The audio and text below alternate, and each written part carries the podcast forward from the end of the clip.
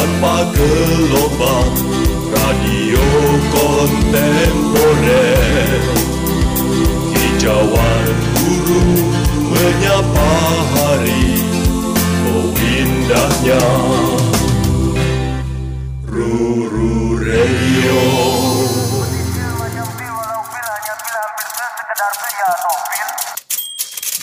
Titik dua, segala tentang sastra. Nah, ini ada puisi. Dalam puisi ini ada bunyi. Bunyi kecapi atau cemetik itu tak penting. Dalam puisi ini juga ada bau. Bau ubi bakar atau babi panggang. Itu juga tak penting. Titik dua, segala tentang sastra. Dan di langit dua tiga cukong mengangkang berak di atas kepala mereka. Titik dua, segala tentang sastra. Ruru Radio Ya, selamat malam Skoyer sekalian. Eh, selamat bertemu lagi dengan titik dua segalanya tentang sastra. Tapi sebelum kita mulai, eh, titik dua dan Ruru Radio mengucapkan turut berbelasungkawa ya atas meninggalnya eh, Calik Hamid di Amsterdam ya Om. ya. Di Amsterdam di usia 84 tahun. Uh, beliau adalah salah satu penulis eksil. Kita masih bisa menemukan beberapa karyanya, terkhusus yang beberapa tahun belakangan setelah reformasi diterbitkan oleh penerbit Ultimus di Bandung gitu ya. Barangkali uh, masih ada manuskrip-manuskripnya yang barangkali kita nggak tahu ya nanti apakah uh, akan ada yang ini apa me- mengurusnya untuk diterbitkan untuk bisa kita baca gitu. Nah eh, kebetulan karena saya mendapatkan informasi ini melalui Facebooknya Om Martin Aleida yang malam ini ada bersama kita nih di titik dua di Ruru Radio eh, untuk kita ngobrol-ngobrol lah. Sebetulnya Om Martin dua tahun lalu kalau nggak salah ya do ya. Dua tahun lalu sempat kita pengen. Emang dua tahun tuh? Dua tahun emang? Dua tahun dok. Hampir lah belum dua tahun inilah. Di pandemi tahun pertama tuh kita coba zoom sama Om Martin tapi itu kayaknya awal-awal kita menemukan apa awal-awal orang mulai zoom zoom. Iya, iya. iya. Ah, ah, sebelumnya kita coba-coba apa segala macam terus eh, kalau nggak Waktu salah itu kita- emang Zoom ya, bukan Google Hangout ya apa? Oh iya deh kita Bukan. belum pakai Zoom. Jitsi apa-apa gitu. Iya kita masih pakai Jitsi benar-benar ada aplikasi lain lagi tuh. Iya benar kita masih pakai Jitsi loh. Waktu itu kita belum beli Zoom yang ini kan, belum pakai Zoom yang bisa berapa Premium. jam gitu. Jadi kita sempat hanya berbicara sama Om Martin itu Setengah kalau nggak jam. salah setengah jam. Setengah jam, ya. Setengah jam. Setelah itu eh, eh, kita tidak kita tidak melanjutkan eh, karena Habis itu kan kita dan bahas segala puisinya macam. Taurus. Ah, ah, habis itu kita ngobrol sama Torus. Eh, Heeh. Nanda. Nah, ya ah, datang lagi. Yuk. Ini kawan dari filsafat UGM Om. Tetapi sudah menjadi orang Jagakarsa juga dia. nah, eh, hari ini senang sekali akhirnya kita bisa kita waktu itu janjian sebetulnya Om Datang datang ke itu. sana, datang ke rumahnya Ah, Om. buat datang kalau keadaan udah semakin membaik segala macam tapi ternyata tidak kejadian baik-baik. tidak enggak tidak kejadian Keadaan tidak kejadian. membaik juga. Tapi akhirnya Malah malam sempat memburuk kan berapa kali Iya, tuh iya, kan? iya, sempat lebih memburuk Delta, Omikron. Oh. iya. Nah, eh, Om eh, ininya lebih dekat Om, ininya mic-nya. Oh. Nah, eh, terakhir Dok, beberapa minggu ya, beberapa minggu lalu tuh kan Kompas tuh ini Kumpulan men- menerbitkan ini kegi- keberbiasanya Kompas setiap tahun lah menerbitkan kumpulan cerpen terbaik Kompas dan Om Martin salah satu cerpennya ada di situ juga gitu. Jadi eh, dan kalau nggak salah beberapa minggu eh beberapa hari lalu ya Om itu awal Juli ya Minggu, kemarin, 3 Juli. 3 Juli ah, 3 Juli Om Martin menulis lagi cerpen di Kompas. Jadi Om Martin energinya untuk menulis nih terus menyala gitu loh. Dok. Ya, obat untuk mencegah demensia. Oh. Pikun ya Om. Eh, saya coba, Oh. saya coba lawan. Hmm, hmm, hmm. Oh jadi nulis tuh Om buat latihan itu Ya, mencegah. mengingat, mengingat Oh. dan saya main Facebook itu terutama untuk eh, kalau saya ingat, misalnya Halik Hamid, Oh. ada cerita yang lucu mengenai dia ditabrak motor, kemudian dapat gak penggantian sampai 5.000 dolar. Nah, itu saya ingat, saya, saya tumpahkan. Hmm, hmm, hmm. Menumpahkan ingatan-ingatan itu Ya, di ya, ya. Facebook itu ya. Dan saya sering menantang yang membaca, ingatkan saya kalau saya salah. Ya, oh ya. ya ya ya ya ya ya. Nah Om aku mau nanya sedikit nih Om. Eh, mohon maaf sebelumnya. Eh, biasanya kan orang tuh mengingat yang senang-senang gitu Om. Nah kalau Om mengingat yang sedih-sedih gitu, apa nggak ikutan jadi sedih juga Om? Eh, tidak, karena itu yang ada di eh, sekeliling saya. Jadi kalaupun menulis, mengapa saya harus jauh-jauh gitu loh. Hmm, hmm, hmm, hmm. Dia sudah ada kok di sekitar saya. Hmm.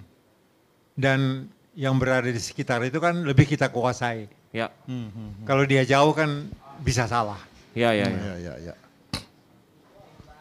Sambil ngerokok ya. Om ya. Oke, silakan. Nah, eh, apa em, kalau misalnya orang yang menurut Om nih, kalau misalkan orang yang nggak punya pengalaman sekitar seperti Om gitu, gimana tuh dia harus menulis tuh Om berarti Om? Nah, kelemahan daripada penulis-penulis angkatan katakanlah sesudah saya Hmm. adalah mereka eh, pengalaman mereka pengalaman hidupnya kurang. Tetapi mereka di satu pihak eh, lebih kaya dari saya karena mereka kaya dengan literatur. Oh. yang Ya, ya, pada ya. zaman saya remaja katakan itu sangat miskin. Hmm. Hmm, hmm, hmm. Sekarang ini kan sangat mudah. Ya ya. Ya, Jadi eh, kaya secara Sumber Ya sumber. Tapi mungkin kalau mereka mau lebih tertantang, dia bisa misalnya tidak tidak tidak me- meniru, menjiplak terang-terangan uh, metode karya orang-orang lekra dengan apa yang dinamakan turun ke bawah. turba. Hmm, hmm, hmm, hmm. Uh, waktu saya mengajar saya sering bilang kalian pernah mengalami apa? Hmm. Ini di IKJ nih Om. Iya dia kan waktu saya ngajar. Kalian kenal Indonesia bagaimana? Dia bilang ya dengan membaca. Kenapa nggak anda kenal Indonesia itu secara fisik? Langsung. Anda injak saya pegang. Bagaimana caranya? Nah ini loh. Hmm, Nah saya bilang kalau anda tidak punya uang, anda bisa mengelilingi Indonesia dengan cara ah, ini yang mungkin anda semua Nggak tahu. tidak temukan. Hmm. Caranya? Caranya kan di eh, ada pelabuhan Sunda Kelapa Mm-mm. antar pulau. Hmm, hmm. Anda datang ke sana dari sekian ratus Kapal. kapal yang sandar, Hmm. Anda lamar. Dari sekian ratus saya kira pasti ada yang mau menerima. Kalau Anda datang dengan mengatakan, Pak, Cari kerja. saya boleh nggak membersihkan piring Bapak, Hmm. mencuci kamar mandi, ikut menimba air kalau air masuk. Saya kira dari 100 mereka pasti akan mengatakan ya. Om pernah nih? Eh, tidak jauh dulu waktu di Riau saya pernah lakukan. Dan itu menyenangkan. Coba Anda bayangkan kita bisa turun di Tanimbar misalnya, pulau yang orang tidak bisa duga. loh. Sebab kapal yang sandar di Pasar Ikan itu, itu sampai ke Tanimbar. Buset. Dia ya dia sampai ke Tanimbar, dia sampai ke Dobo. Udah, itu kan Do- Dobo di mana Om? Dobo ya sudah dekat eh, Papua. Hmm. Di mana kalau kalau Anda tidak perlu uh, punya mutiara dengan membeli. Ah. Ketika saya muda misalnya pada Aha. tahun 63 atau 64 kita bawa sarung barter. Ah, Itu kan pengalaman-pengalaman yang rasa belum lagi di dalam kapal itu sendiri. Diskusi. Om Om nggak mabuk laut? Eh, saya nggak pemabuk, saya nggak mabuk laut. Saya pernah ikut operasi Baruna pertama tahun 64 saya kira. Itu eh, kapal ilmiahnya itu jadi kapal eh, yang berada di depan, jalani di namanya. Dia harus dredging, jadi mengambil sampel eh, bawah laut Dasar laut ya. dan itu setengah hari kita di Tengah laut. banting oleh Ombak. ombak, itu Oh. dia sampai miring hampir 20 derajat. Oh, oh. Ah, ketika itu saya baru mabuk. Baru mabuk. Oh, anjir. Dan caranya adalah saya berpegangan pada semacam tiang gitu di Oh, dalam oh, oh. kamar. Dan kalau keluar harus masuk lagi. Jadi mari regal saya itu mesti masuk. Kalau enggak Oh iya iya. iya. kalau enggak nanti Makin ya, parah. Ya betul. Oh. Hmm, hmm, hmm.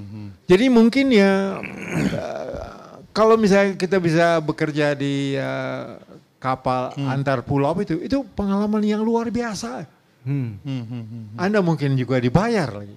Hmm, hmm. Nah, Ya, tapi ya, ya. mungkin ya anak-anak muda itu mungkin merasa ya kita Kan- nggak tahu mereka mau nggak. Sekarang ada Facebook apa Ya, gitu. ya. Jadi YouTube. Oh, aksesnya melalui itu mereka kan. Facebook, Melihat YouTube. misalnya Tetapi kalau anda tidak alamin, kalau anda alamin, Hmm. dia lebih intens kan kalau anda Ya, ya, ya, ya, ya, ya, ya. Ngerti muntahnya itu tadi Om ya? Iya betul, Oh. seperti Ah, muntah ah, itu. ah, ah, ah, Hmm. Mungkin di situ tidak diajarkan kalau anda muntah harus ganti lagi dengan Ya, roti harus atau mari ya, regal, ya, ya, aduh ya. isi kembali. Eh, Karena kalau kita ngelihat dari eh, referensi gitu dok, ngelihat video di YouTube segala macam, gelombang pun jadi indah dok. Mm-mm. Iya, iya, iya. Kayak dua dimensi kan? Iya, iya betul. Enggak merasakan langsung gitu loh, gelombang itu bikin perut dikocok, mengocok-ngocok perut gitu-gitu kan kita nggak dapat. Ya, ya. Apa film apa itu namanya? Pai? Pi, Ya. li- Life, Life of. Pi. Iya betul. Oh yang macan, yang ada Ah, yang ada macan. Ya, Ah, ya, iya, ya. iya, iya, iya. Yang perahu terdampar ya. Oh itu Om suka Om? Saya kira saya suka. Nonton Karena dia Om juga. imajinasinya luar biasa loh. Hmm, Dan dia bisa menggambarkan lapar secara visual. Hmm. Ya kan? Ya ya ya ya. ya. Hmm, Tapi saya kira itu pun sutradaranya dia melalui perjalanan hidup yang panjang itu. Iya, iya, iya. Saudara siapa sih itu? Lupa gue juga sih. Cewek tuh. Penulisnya Paulo Coelho kan? Bukan, bukan. bukan, Penulisnya bukan Paulo Love Coelho. of Pi itu siapa? Orang orang orang Tionghoa pakai Lee juga, Lee Richard apa Lee gitu. Wah, bukan. Iya. Itu itu ininya, itu sutradaranya tuh. Iya betul. Yang sutradaranya Oh. itu yang pakai Lee itu. Tapi penulisnya orang Lupa India kan? gua, Orang India, orang India. Ya, Itu kan cerita tentang orang ya penulis India yang di Amerika kalau nggak salah. Ah. Gitu. Siapa sih itu namanya lupa. Ya. Nah, Om, em, ini kan eh, udah lama nih kita nggak ketemu nih Om. Jadi ke sini Paling tidak dua tahun. Pak. paling tidak dua tahun. Nah, kes- kesibukan Om akhir-akhir ini dalam keadaan kayak gini nih seperti apa Om? Kalau dulu kan eh, sering tuh di Ke DKJ. tim, di DKJ, Baca koran. baca koran di belakang itu tuh, Ah, ya, ya. atau di depan di ininya. Meja bundar, meja bundar. meja bundar, terus apa? eh oh kedengeran sih? Bo- bocor terus. Oh, nah se- sekarang gimana om kesibukan hari-hari? Terlebih kan dunia berubah nih keadaannya nih om. Eh, di rumah itu kan tinggal saya dan istri. Hmm. Hmm. Dan istri ini agak tidak terlalu drastis tapi demensia dia pelan-pelan anu cukup merepotkan. Cukup merepotkan. Jadi eh, eh, dia makan terus piring ditaruh di mana begitu. Hmm. Pisau. Kadang-kadang saya harus beli tiga pisau, tentu saya pilih yang murah. Dalam seminggu hilang tiga. Buset. Sebetulnya dia tidak tidak hilang. Hmm. Lupa Tapi- naro. Ah, Oh. tapi itu merepotkan. Oh. Itu merepotkan, sangat merepotkan. Hmm, hmm, hmm. Sehingga dalam cerita pendek saya yang terakhir, Iya, yang iya, dibuat iya. tanggal 3 Iya, Juli, itu saya saya Masuk ke situ ya, tuh. Masuk ke situ. Hmm. Oh. Lain saya bilang, ya lain saya katakan, tapi itu uh, imajiner ya, Ah, ah, ah. imajinasi. Saya katakan satu ketika ketika bangun, tiba-tiba dia bertanya kepada saya yang semalaman tidur di sebelah Ah, dia. ah, ah. Ini kamu siapa? Begitu. Ya, Ya. I- itu Di cerpen itu, di cerpen cerita- itu. cerita pendek. Cerpen di Kompas itu. Tapi aslinya nggak gitu kan Om? Eh, menyakitkannya bisa sama, Hmm. bisa sama, bisa sama. Iya, iya. Jadi nanti saya masak, saya kalau pergi, terutama itu ke beranda. beranda ga- beranda rakyat. Saya Nah. sudah pisang. Hmm. Ini kalau kamu panasin, saya kan suka, suka seminggu sekali bikin gulai gitu ya. Hmm. Namanya orang Melayu loh. Kalau kamu panasin, jangan dikasih ditambah air. Nah, Hmm. kebiasaan istri saya ini adalah karena dia orang desa, Hmm. semua itu mesti banyak. Hmm. Jadi dengan mencampur kan. Hmm, hmm, hmm. Kalau hidangan yang kurang enak Anda campur dengan yang enak, dia tidak akan menjadi enak. Heeh, Enggak karuan malah jadi nggak Itu karuan. itu itu itu yang membuat uh, kita kita kadang sepanen gitu. ya. anda, anda turun dari busway misalnya jalan 300 meter membuka pagar sudah sulit karena dia gembok. Heeh. Nah, capek dan kemudian ditemukan makanan seperti itu. Oh. Ah, dia anu dia mengganggu kan. Dia mengganggu. Mudah-mudahan kalau anda nanti setua saya itu nggak ditemukan. Sudah ada cara, cara itu baik. Sudah ada ya, sudah ada. Udah ada robot. Udah ada robot. Udah ada apa teknologi kesehatan yang Ya. menyels- menyelesaikan problem itu gitu. Demensia. Ya demensia. Nah, kan Om uh, apa uh, menulis banyak dari pengalaman gitu. Nah, eh apakah meskipun kan tetap fiksi ya Om ya, Traffic sih. tetap fiksi, tapi kan ada nilai-nilai kebenaran gitu di situ kan Ah, ya, yang ah, yang ah. yang menjadi rujukan gitu. Ah. Nah, apakah Om tega gitu melakukan itu ke orang terdekat Om gitu? Misalnya seperti istri tadi atau siapa teman gitu. Apakah mereka kok ditulis kayak gitu? eh artinya ya reda re- anu penyeleksi tulisan saya yang pertama dulu ya itu adalah istri saya. Jadi kalau dia misalnya sudah mau menangis atau menangis membaca cerita itu, Oh. itu berarti dia bagus. Oh gitu. Se- Sering Om tuh. Tapi sekarang sudah enggak, karena dia pasti a priori mengatakan ini ceritanya efeknya nanti pasti dia sedih. Jadi dia nggak mau. Jadi seperti memoir ini, Ya. Ya. dia nggak mau baca. Oh. Karena di situ saya bilang ya banyak orang suka yang bagian mana? Yang ketika kita kan masih pacaran, Heeh. ya. Saya temuin dia dia di kampungnya di Solo Heeh.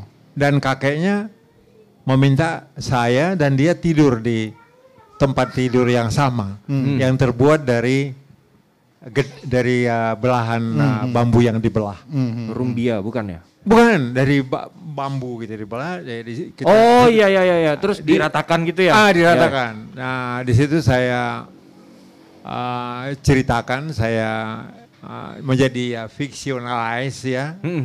Jadi semalaman itu kita tidak ngapain. Kita hanya pegangan tangan. Anda bisa baca di saya lupa ya halaman Ya, ya, berapa. ya, ya, ya. Hmm. Sehingga eh, saya sendiri khawatir ini tujuan embahnya ini apa. Hmm, hmm. Hmm, hmm, hmm. Sebab kalau sering dia berderak, itu kan dibuat dari bambu. Oh, bu- bunyi. Iya, iya, iya, iya, iya. Jadi jangan-jangan ini kita saya mau dijebak. Iya, jebakan. Nah, makanya kita hanya pegangan. Itu itu banyak orang yang membaca antara lain Renville dan beberapa orang dia bilang itu dahsyat. Oh. Karena ini anu ya, uh, flashback ke zaman saya muda. Ya, ya, ya. Kita tidak melakukan Oh. uh, hubungan fisik dengan pacar kita. Oh, oh. Semacam cinta murni gitu ya Om ya? Iya itu Oh, itu itu oh, itu. Oh, oh, oh. Ya. Kita tidak lakukan. Oh, Dan kalau orang mau melakukan, kalau dia sudah nggak tahan, dia pergi bisa pergi ke Keramat Tunggal, Oh, di oh. Keramat, Oh. di Senen, di mana-mana ada kan. Oh, oh, oh. Nah, tetapi ketika HIV Tahun 80. menular, Ya. orang tidak bisa. Wabah kan? Wabah. Iya wabah. hmm, hmm. Anda kan nggak tahu kapan kapan Anda akan kena HIV. Iya, iya, iya. Dia bisa 10 tahun lagi, bisa 20 tahun lagi, bisa juga tidak. Oh, oh, oh. Tetapi kalau zaman saya itu, pada waktu itu, kita hanya menunggu 2-3 hari. Kalau misalnya kita pergi ke kamar kecil, badan terasa hangat dan panas, kita langsung bisa mencari dokter Hmm. di. Keramat Raya itu dia bawa mobil PB, di atasnya ada kitiran, dokter Basri, kita bisa minta suntik langsung pada dia. Su- su- apa penisilin atau Penisilin. Penisilin. ah. Atau kita bisa beli yang uh, penicillin yang uh, kapsul. Oh. Hmm, Berarti Itu- bukan, itu- bukan HIV ya, berarti itu uh, penicillin itu oh, apa? bukan, iya. Apakah dia gonoru? Go, iya, gonorea. Tapi itu kan uh, inkubasinya kan hanya 2-3 hari. Ya. Hmm. Kalau Anda merasa sudah tidak fit, udah langsung. Nah, saya kira ketika HIV itu berkembang, mungkin kebanyakan orang melakukan hubungan dengan pacarnya. Dulu kita tidak lakukan. Waktu wabah itu Om wartawan tuh ya. Tahun 70 80 Enggak, itu. enggak, ya? wabah itu 80 90. Oh 80 90 ya. Oh, iya, Wabah. 80 90. 80, 90. ya, ya. Oh, itu satu dunia itu toh. Iya, iya, iya, Afrika, iya, iya, apa iya, segala semua. macam. Iya iya iya. Itu saya kira yang membedakan. Hmm. Hmm, hmm, hmm, hmm. Jadi tadi tuh cinta yang murni. Iya iya iya iya iya. Pegangan tangan aja udah deg-degan ya, Om. Hah? Pegangan tangan aja udah deg-degan ya, Om. Betul. Oh. Betul. Dan kita nggak mau bisa, bisa lebih dari situ, karena tidak kita akan takut Si kalau bambu itu. si bambu itu bergerak. Jadi kalau dia kerak, Ah. Nah, pasti itu ini nanti ini, ah, kakeknya langsung, nah, Iya, ya. Ah. iya besok paginya pasti Ah. diadili kan. Nah, itu, Ngapain kamu? itu dia nggak mau baca. Ya. Oh iya iya iya iya. Tetapi ada satu yang diungkapkan oleh istri saya itu ya ketika ibunya meninggal. Ibunya kan kalau anda baca di situ, Ya. dia kan buta huruf Hmm. dan dipaksa oleh tentara yang melakukan penggeledahan bahwa dia tidak mungkin buta huruf. Hmm, hmm. Hmm. Suaminya aktivis kok. Hmm, hmm, hmm, hmm. Nah, seperti yang anda tahu kan ketika itu eh, orang mencari identitas agama lepas dari abangan kan. Oh. Ya, ya, ya, ya. Ya, Jadi dia menjadi Kristen. Hmm. Dan dia sebagai orang yang kurang, eh, katakanlah kurang tinggi pendidikannya. Hmm, hmm. Tapi itu saya nggak berani masukkan. Ya, ya. Dia bilang kepada anak-anak yang mengelilingi dia, kalau saya meninggal jangan bacakan Yasin. Ah. Wah, itu dahsyat. Itu permintaan yang luar biasa. Hmm. Kalau dipikirkan bahwa dia dia tidak ngerti Yasin itu apa. Hmm. Tapi dia minta, itu jangan, jangan dibacakan. Tapi itu kalau dimasukkan ke dalam cerita, Iya, iya, itu sangat sen- sensitif. Iya, iya, iya. Saya sangat sensitif. Harus pilih-pilih ya. Tega, ya, ya, teganya ya, itu. betul, ya betul. Tapi itu, eh, anu, dia anu natural murni sejati dari satu orang ibu. Hmm. Jadi itu menunjukkan keadaan pada waktu itu. Hmm, hmm. Orang harus punya agama, Hmm. padahal dia juga punya agama kan. Ya. Dan agamanya harus ditentukan orang yang datang menggedor pintu begitu. Hmm. Dia sampai pada kesimpulan itu. Itu satu perlawanan yang menurut saya luar biasa. Hmm, hmm, hmm.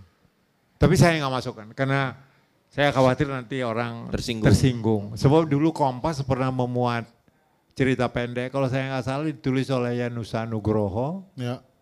yang ada protes dari komunitas Buddha. Oh iya iya iya. ah, benar. iya, iya. Kompas mengatakan eh, cerita itu dianggap tidak ada. Oh. ya, ya. Ah, itu, ya, ya, Iya, ya. Nah, eh, di sini kan juga di buku ini yang romantisme tahun kekerasan nih eh ada ini ya kan tadi Om sudah sempat singgung soal agama kan. Eh, hubungan Om dan agama ini kan agak-agak unik nih di sini nih. Gimana Betul. nih Om? Maaf. Betul. Eh, Om juga diselamatkan oleh secari kertas itu kalau nggak oh. salah tuh. Ya, sebelum Iya, iya, sampai iya. ke sana, Ah, ah. menurut saya eh, ada apa namanya kebodohan yang dipelihara Hmm. dan dimanfaatkan oleh orang-orang yang anti pada pandangan tertentu. Sebab antara sosialisme atau komunisme itu tidak ada hubungannya dengan agama. kan. Ya, ya, ya. Saya tetap dan itu buat saya adalah tradisi yang harus saya pelihara. Hmm. Tidak ada, tapi itu sulit ya kita Ya. berhadapan dengan susah. Sudah. Stigma itu ya. Iya Oh. stigma itu. Kalau dengan anda kita ti- tidak ada masalah kan. Hmm, hmm. Tapi kalau dengan orang lain itu susah. Kalau sudah komunis, sosialis, dia otomatis Hmm. bisa dicap sebagai anti Tuhan. Padahal nggak mesti begitu kan? Ya memang tidak begitu. Mm-mm. Tidak begitu. Yang di Palestina apa? Iya, Partai iya, iya. komunisnya berkibar. Betul, betul, betul ya. ya. Iya Ah. kan. Ya. Dan tetapi juga di pihak orang-orang kiri kadang-kadang pemahaman itu karena tadi literatur sangat terbatas. Ya, Di ya. masa itu Jadi ya. ukuran seseorang itu eh, maju progresif atau katakanlah revolusioner, kadang-kadang konyol. Jadi di kota saya, kota kecil saya itu kan eh, ada pecinan, daerah pecinan. Di, di mana nih om? Di Tanjung Balai itu. Jadi Oh, oh, oh. anak-anak ini ya eh, teman-teman ini bilang kalau kalian mau menjadi anu, mau progresif atau revolusioner, kau berani nggak makan di restoran Tionghoa? Ah. Emang itu kenapa om? Iya itulah dia ukuran Oh, oh, oh. pada pada masa itu. Makan di restoran Cina om? Iya itu ukuran di kalangan kita yang baru Ah. ya baru ikut gerakan gitu. atau- Itu jadi aneh kan? Itu terjadi. Itu bukan aneh lagi kali Iya, ya. makanya. Cuma mesen kue tiaw. Revolusioner. Orang nggak berani. Revolusioner. Orang nggak berani. Ah. Orang nggak berani. Orang di masa itu orang nggak berani makan di restoran Tionghoa itu jarang tuh. Oh jarang, nggak berani orang. Apalagi kalau orang-orang kiri ke situ, wah orang kiri bisa out. Oh gitu om? Iya. Tak tahun berapa nih? Ah, 50-an? 50-an gitu ya. Oh. Saya sendiri, bawa saya itu kan Masumi. Saya ikut masang ini loh waktu pemilu pertama kamar Masumi. Ya ya ya. Iya, di tembok. Atau di tembok, iya. Ini aneh, makanya sekarang ini ya kalian artinya anak-anak setelah angkatan saya harus bersyukur sekali. Dia klik semua di Google ada. Di sana Kalau ada. di angkatan kami nih om, revolusioner kalau bangun pagi om. Bukan berani makan di restoran Ah, Tionghoa, iya, iya. bukan. kalau bangun pagi. Baru Dan- tuh revolusioner. Eh, kadang-kadang juga orang memahami organisasi itu, gerakan itu secara dogmatis. Jadi dia benar mutlak. Begitu Ya, ya, tidak ya. juga. Friksi ada di dalam. Karena friksi itulah terjadi pengkhianatan sesama teman. Jadi sekarang friksi. Kita misalnya di sini ada delapan, friksi empat. Anda ditangkap. Yang nangkep itu diancam. Anda diancam. Mana teman lain? Nah, Hmm. yang Anda korbankan karena harus menyelamatkan diri, takut disiksa atau apa pun namanya kan. Anda tunjukkan teman dari friksi lain. Oh iya benar. Oh iya iya. Iya, makanya di dalam buku itu juga saya menulis. Ada cerita itu. Copo kan? Apa copo? Kalau di sini Ya, om bilang Copo, dan copo. itu orangnya adalah pemuda rakyat. Hmm. Yang adalah organisasi yang langsung berada di bawah PKI. Hmm, hmm, hmm. Sedangkan Lekra itu tidak. Hmm. Ini yang kadang-kadang eh, orang tidak mau mengerti. Jadi eh, Siapa namanya om yang masuk ke kamar om bawa Burhan pisau? Kumala, eh, Burhan Kumala Sakti. Oh. Dan itu anggota Dewan Nasional Pemuda Rakyat. Hmm. Anggota Dewan Nasional. Hmm. Tetapi karena pemuda rakyat itu tidak suka kepada Lekra. Hmm. Ini yang terjadi. Jadi yang jadi korban itu adalah Lekra. Hmm, hmm, hmm, hmm. Putu itu, Iya putu juga ya. putu ya putu misalnya. Kan yang menunjukkan ya. tempat kita tinggal di Mangga Besar 101 itu. Barak itu ya. Barak itu adalah staf sekretariat Lekra yang di Cidurian namanya Haryogo. Dia menunjukkan di sini. Hmm. Ini eh, rumah milik dari organisasi ini ini. Nah, ketika dia interogasi oleh Burhan Kumala Sakti, orang pemuda rakyat ini, di operasi kalongnya, Ya, dia tanya si Haryogo. Dari Haryogo mengatakan bahwa saya ketemu Putu di tempat itu dua kali. Hmm. Putu bilang tidak, hanya sekali. Untuk itu saja badan dia hancur oleh ekor pari dan kakinya tuh ditekan pakai kakinya bangku. Putu Oka. Putu oka. Oh. Ke- Dengar kemarin masih lagi sakit apa? Eh, dia sudah bisa atasi, jadi dia nggak bisa membaca koran dan kalau eh, WhatsApp gitu. membaca Facebook juga dia sulit. Tapi Martin terima kasih kau posting banyak teman yang simpati dan sekarang saya sudah bisa membaca dapat mungkin nomor kacamatanya mungkin berubah barangkali. Oh, iya, iya. Ah, dia sudah bisa. Minus atau plusnya. Ah, Iya mungkin. Nah jadi antara ah, Terlalu dekat maaf om. ah, dengan antara Lekra dan Pemuda, Pemuda rakyat. rakyat. dengan PKI misalnya. Hmm. Ada satu perdebatan antara Yubar Ayub dengan Yubar Ayub ini ketua Iya, iya, Iya iya. iya iya. dengan Basuki Sobowo. Nah, ini yang banyak orang kadang-kadang tidak mau mengerti. Jadi eh, ada namanya konferensi sastra dan seni revolusioner yang dibuka oleh Aidit Hmm. tahun 64 dibuka di Manggarai, kalau Anda ke stasiun Manggarai itu kan ada gedung tua. Sebelah mana Kantor? Serikat Buruh Kereta oh iya, Api Serikat dulu. Buruh Kereta Api ya. Itu dulu meeting point untuk organisasi, rapat umum atau apa itu kalau bukan di gedung pemuda dekat istana. Nah, konferensi itu tujuannya adalah menempatkan Lekra di- langsung di bawah PKI. Tetapi orang tidak ada yang menjelaskan. Orang seperti Nyoto, Hmm. Yubar Ayub, ketua lekranya, Wi Haijun, anggota DPR dari fraksi PKI, itu tidak mau. Dan mereka tidak datang kepada konferensi. Hmm. Nah, Ayub di dalam perdebatan dia dengan Basuki Rasobowo setelah peristiwa, Ayub menjelaskan, tidak semua anggota lekra itu anggota PKI. PKI. ya kan? Tapi Basuki Rasobowo yang berada di Belanda, dia mengatakan tidak, PKI, Lekra itu Lekra sama. sama. Karena mengapa dia mengatakan itu? Dia mengatakan itu karena adanya konferensi sastra dan seni revolusioner tadi dan ulang tahun pertama dari konferensi itu pada uh, bula, tahun 65, saya lupa Juni atau Juli. Dia adalah uh, apa namanya ketua uh, pelaksana perayaan itu. Resbo. Iya, makanya dari Belanda dia mengatakan ah, PKI, kau dia. Jadi dia tidak dalam perdebatan ini dia tidak menyebutkan Ayub Bung lah gitu, tetapi kau. Oh. Hmm. Kasar saudara. Udah beda tuh, udah beda tuh ya. Nah, jeleknya adalah Ayib yang tidak mau tahu, Ayib Rosidi, Rosidi. Hmm. yang memang kadang-kadang konyol ya. dia mengutip, dia mengutip Ah.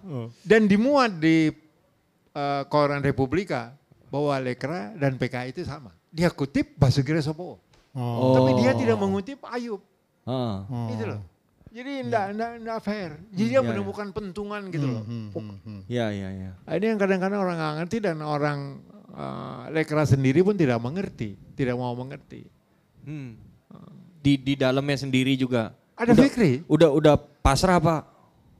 Ah, ada pokoknya friksi. Jadi ya, orang seperti Nyonto atau ketua Departemen Kebudayaan CCPKI yang namanya HR Bandaharo, Bandaharap. Dia nggak ikut. Ya. Dia tidak ikut. Makanya ada satu tulisan yang saya nggak tahu siapa yang mau nulis. Dia mengatakan bahwa ketua Departemen Kebudayaan CCPKI itu rewang. Dah benar. Hmm. Banda Harap. Dan Banda Harap itulah pemimpin redaksi HR Minggu. Jadi banyak yang ini orang hmm, dengan HR mudah- Pandahoro juga buku kumpulan puisinya masih bisa setelah Iya masih. Bisa kita masih. temukan di Ultimus ketemukan, juga ya, tuh. Di Ultimus. Iya. Iya. HR Bandahoro. Bandaharo. Bandaharo ya. Bandaharo. Dan dia pendek. Apa? Anda, dia pendek orangnya. Oh, oke. Hmm. Anda bayangkan ketika dia ketemu dengan Fidel Castro. Oh, oh, Kan oh. dia Oh Castro tinggi ya? Oh iya. Oh.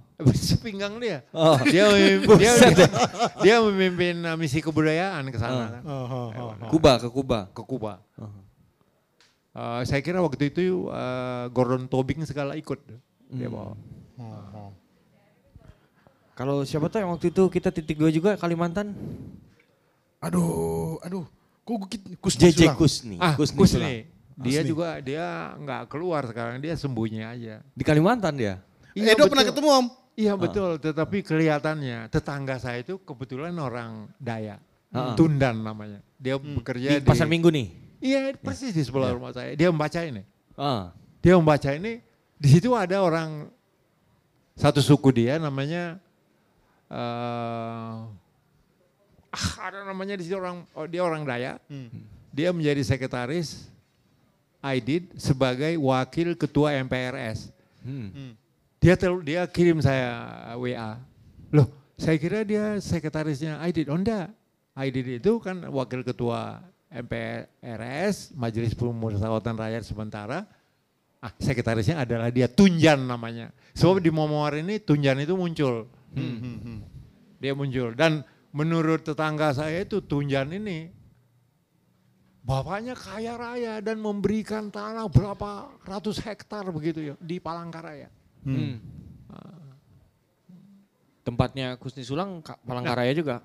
Nah, menurut dia, Kusni Sulang itu kembali ke Kalimantan dijamin oleh seorang pendeta. Hmm. Oh. Oh, pulang yang setelah Iya, dan- Dari- itu. dari iya, Prancis, setelah dari iya, Prancis. dia setelah dari Prancis itu. Ah, Dan menurut dia, dia ketemu dengan Kusni di restoran Padang. Oh dia kan emang punya restoran Padang kok Siapa? salah ya? Di Prancis. Eh di Prancis dia oh punya restoran anu, kan? restoran Indonesia yang Oh, iya, iya, iya. dibangun dengan sobron dan macam-macam. Oh iya iya iya. iya. Ah. Iya iya.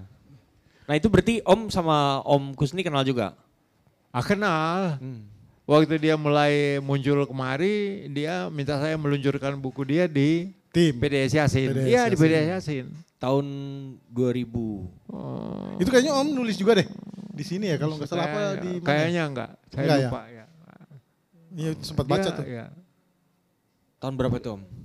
2000-an ya? 2000-an. 2000 lah. awal kan ya Iya, kalau nggak salah 2000 ya. awal. Setelah dia persis baru balik dari Prancis itu ya? Itu yang sama Saud Sitompul, eh Sitor Sitom, bukan ya? Sitor Situmorang itu Situ bukan orang. ya? Oh bukan, bukan, bukan. Oh bukan ya. Oh itu beda. Eh, eh, di Be- sini beda kayaknya yang lain. Ya, Sitor ada di Iya, situ. Iya, iya, iya. iya. Hmm, Ada Sitor. heeh. Nah Om tadi kan ngomong soal harian rakyat juga nih. Ya. Nah eh, kan kalau di sini udah clear nih, mungkin teman-teman iya, belum iya, semua iya, baca. iya. Itu kan eh, Om cerita bahwa dia tuh tem- apa sebuah koran yang memberi tempat paling leluasa Betul. buat Iya. sastra tuh. Iya. Yang mana kalau nggak salah setiap hari apa Om? Ya setiap hari dia mau cerita pendek. Anda bisa cek di Perpustakaan Nasional. Oh, oh. Di halaman dua itu selalu ada cerita pendek. Kalau cerita pendeknya panjang, dia muat dua sampai tiga kali. Maksudnya dua Iya, dan besok itu- lusa gitu. Terbung berarti Sambung, bersambung. bersambung. Dan itu kesempatan buat kita yang belajar. Kalau ruang kebudayaan dia itu Sabtu, ah, itu sulit. Kita kan baru SMA kelas 2, gak mungkin. Editor kebudayaannya siapa Om? Eh, pada waktu awal 60-an saya nggak tahu persis. Tetapi yang namanya nyoto saya kira ya ada beberapa dia baca dulu mungkin. Iya iya. Ya. Ya. Kalau yang cerpennya, editor cerpennya? Eh, itu kayaknya katakanlah dia mau merangkul orang-orang yang mau terjun di bidang kesastraan karena itu mutunya tidak se Iya iya iya. Ah, Oh. ya. Dan saya dari kota kecil itu, kota kabupaten 150 kilo dari eh, Medan, Tanjung Balai, itu eh, harian raya itu sampai ke kota saya itu sekitar jam 1-2 sudah sampai. Anda bayangkan, Jam 1 2 siang. siang, dia terbit pagi. Ada jangan lupa. Enggak telat, enggak saya pikir Nggak, malah sehari ah, setelahnya. Anda, anda jangan salah. Karena mereka punya, jadi orang kiri ini punya organisasi serikat buruh penerbangan yang kuat. Nah, jadi itu Numpang berarti. ya mungkin mereka-mereka aja yang jalan kan. Oh, oh, oh. Ya kalau dulu kan kereta api itu kan mereka aja semua di situ kan. Iya iya iya. Makanya yang tidak dikembangkan oleh Pak Harto adalah kereta. Iya iya iya. Karena dia tahu iya kan. Iya, iya, kereta benar itu juga kan tuh ya. tidak, Oh. Jadi jadi hancur lebur gitu zaman-zaman dulu. Parah banget. Dan itu Isi revolu- kambing. itu revolusi betul loh itu yang dilakukan oleh Yonan. Oh, Iya. oh Saya- Ignatius. Iya Ignatius, ah. saya masih ingat ya waktu saya ke, ke, ke tempat mertua saya gitu ya. Ini tahun berapa? Tahun Di Solo. tujuh- Iya, 60 tahun 69 68. 68 gitu ya. Oh, oh. Saya pulangnya itu dari Solo itu, tahu nggak? Berdiri di sambungan kereta itu. Oh iya iya saya pernah juga tuh. Gila nggak? Oh, oh. Tapi Depan untung kamar mandi kan Om? Hah? Depan kamar mandi kan? WC-nya nggak bisa anda masukin, tidak ada orang yang di tempat orang kencing di situ penuh orang. Iya iya iya iya. Parah tuh iya, benar parah. gua asli. Tapi baiknya waktu itu adalah kereta itu sering uh, mogok gitu ya. Dia berhenti, ah, ah. ah, kita ada sempat turun, Oh. kita istirahat ya apa. Oh. Untung mogok ya. Revolusi betul lah yang dilakukan orang. Jonan ya. Ah, itu hebat. Itu hebat. Oh ini benar juga ya. Iya. Kereta api makanya dimatikan oleh Soeharto. Dimatikan nggak ada karena Hancur serikat, banget emang. serikat buruh, serikat buruh kereta api Jadi- kuat sekali. Iya iya iya. Jadi kalau lu pernah keluar kota di masa-masa itu tahun 90-an 2000 awal terus mengalami kesulitan-kesulitan itu maka Keretanya nggak ada lampu toh. enggak ada lampu do bener gue juga pernah ngerasain Ada, do nggak ada lampu. pernah gue dari Solo sampai Purwokerto itu satu kaki berdirinya do wah saking penuhnya buset deh Memang satu kaki gini anjret Gila, untung masih itu ini Saya nggak nggak bayangkan. Bayangkan sekarang. Ada AC-nya. Oh kan. eksekutif Om. Eksekutif. Kursi bisa tidur. Iya betul. Heeh. Jonan tuh ya. Kuncinya Ignatius Jonan. Iya. Eh. Revolusioner tuh. Re- iya, revolusi betul itu dia. Nah balik lagi tadi harian rakyat tadi om. Ah. Sampai di Tanjung Balai itu siang. Gitu. Iya sekitar satu. satu dua saya sudah bisa baca. Hmm, hmm. Nah, tapi waktu itu kita tidak tidak berpikir tentang bahwa menulis itu ada honornya. Hmm. Kita nggak berpikir. Hmm. Tetapi harian rakyat itu juga karena dia media resmi dari partai Hmm. itu, banyak orang yang ya dengan jiwa korup juga. Jadi dia minta cap dari eh, kantor PKI lokal supaya dicap pengantarnya supaya masuk kan. Ah, Ah. petuang. Tapi, tapi sering oleh Amarjan yang menjadi redakturnya. Amarjan dari- Lubis. Ya, ini Amarjan Lubis. ini kader kader cabang nih. Ah. Secara sastrawan. Terus Amarjannya lihat gitu. Kau lihat dulu ini. Ah. Iya, jadi kirim puisi ada cap PKI-nya Ah. supaya dimuat. Amarjan nih wah, buang aja ke tempat sampah. Dibuang sama Amarjan. Iya. Ah, itu yang gitu ya ada. Ah. Nah, ada. Nah om berarti SMP SMA gitu baca harian rakyat di Tanjung SMA Balai. mulai. Iya, di SMA. Tanjung Balai, iya. Tanjung Balai Iya. dibaca di sana Iya. gitu ya. Terus om mulai mengirim itu ceritanya gimana tuh? Bertahun-tahun yang lalu nih. Eh, nah, ini ini ini anu ya, buat Anda mungkin menarik.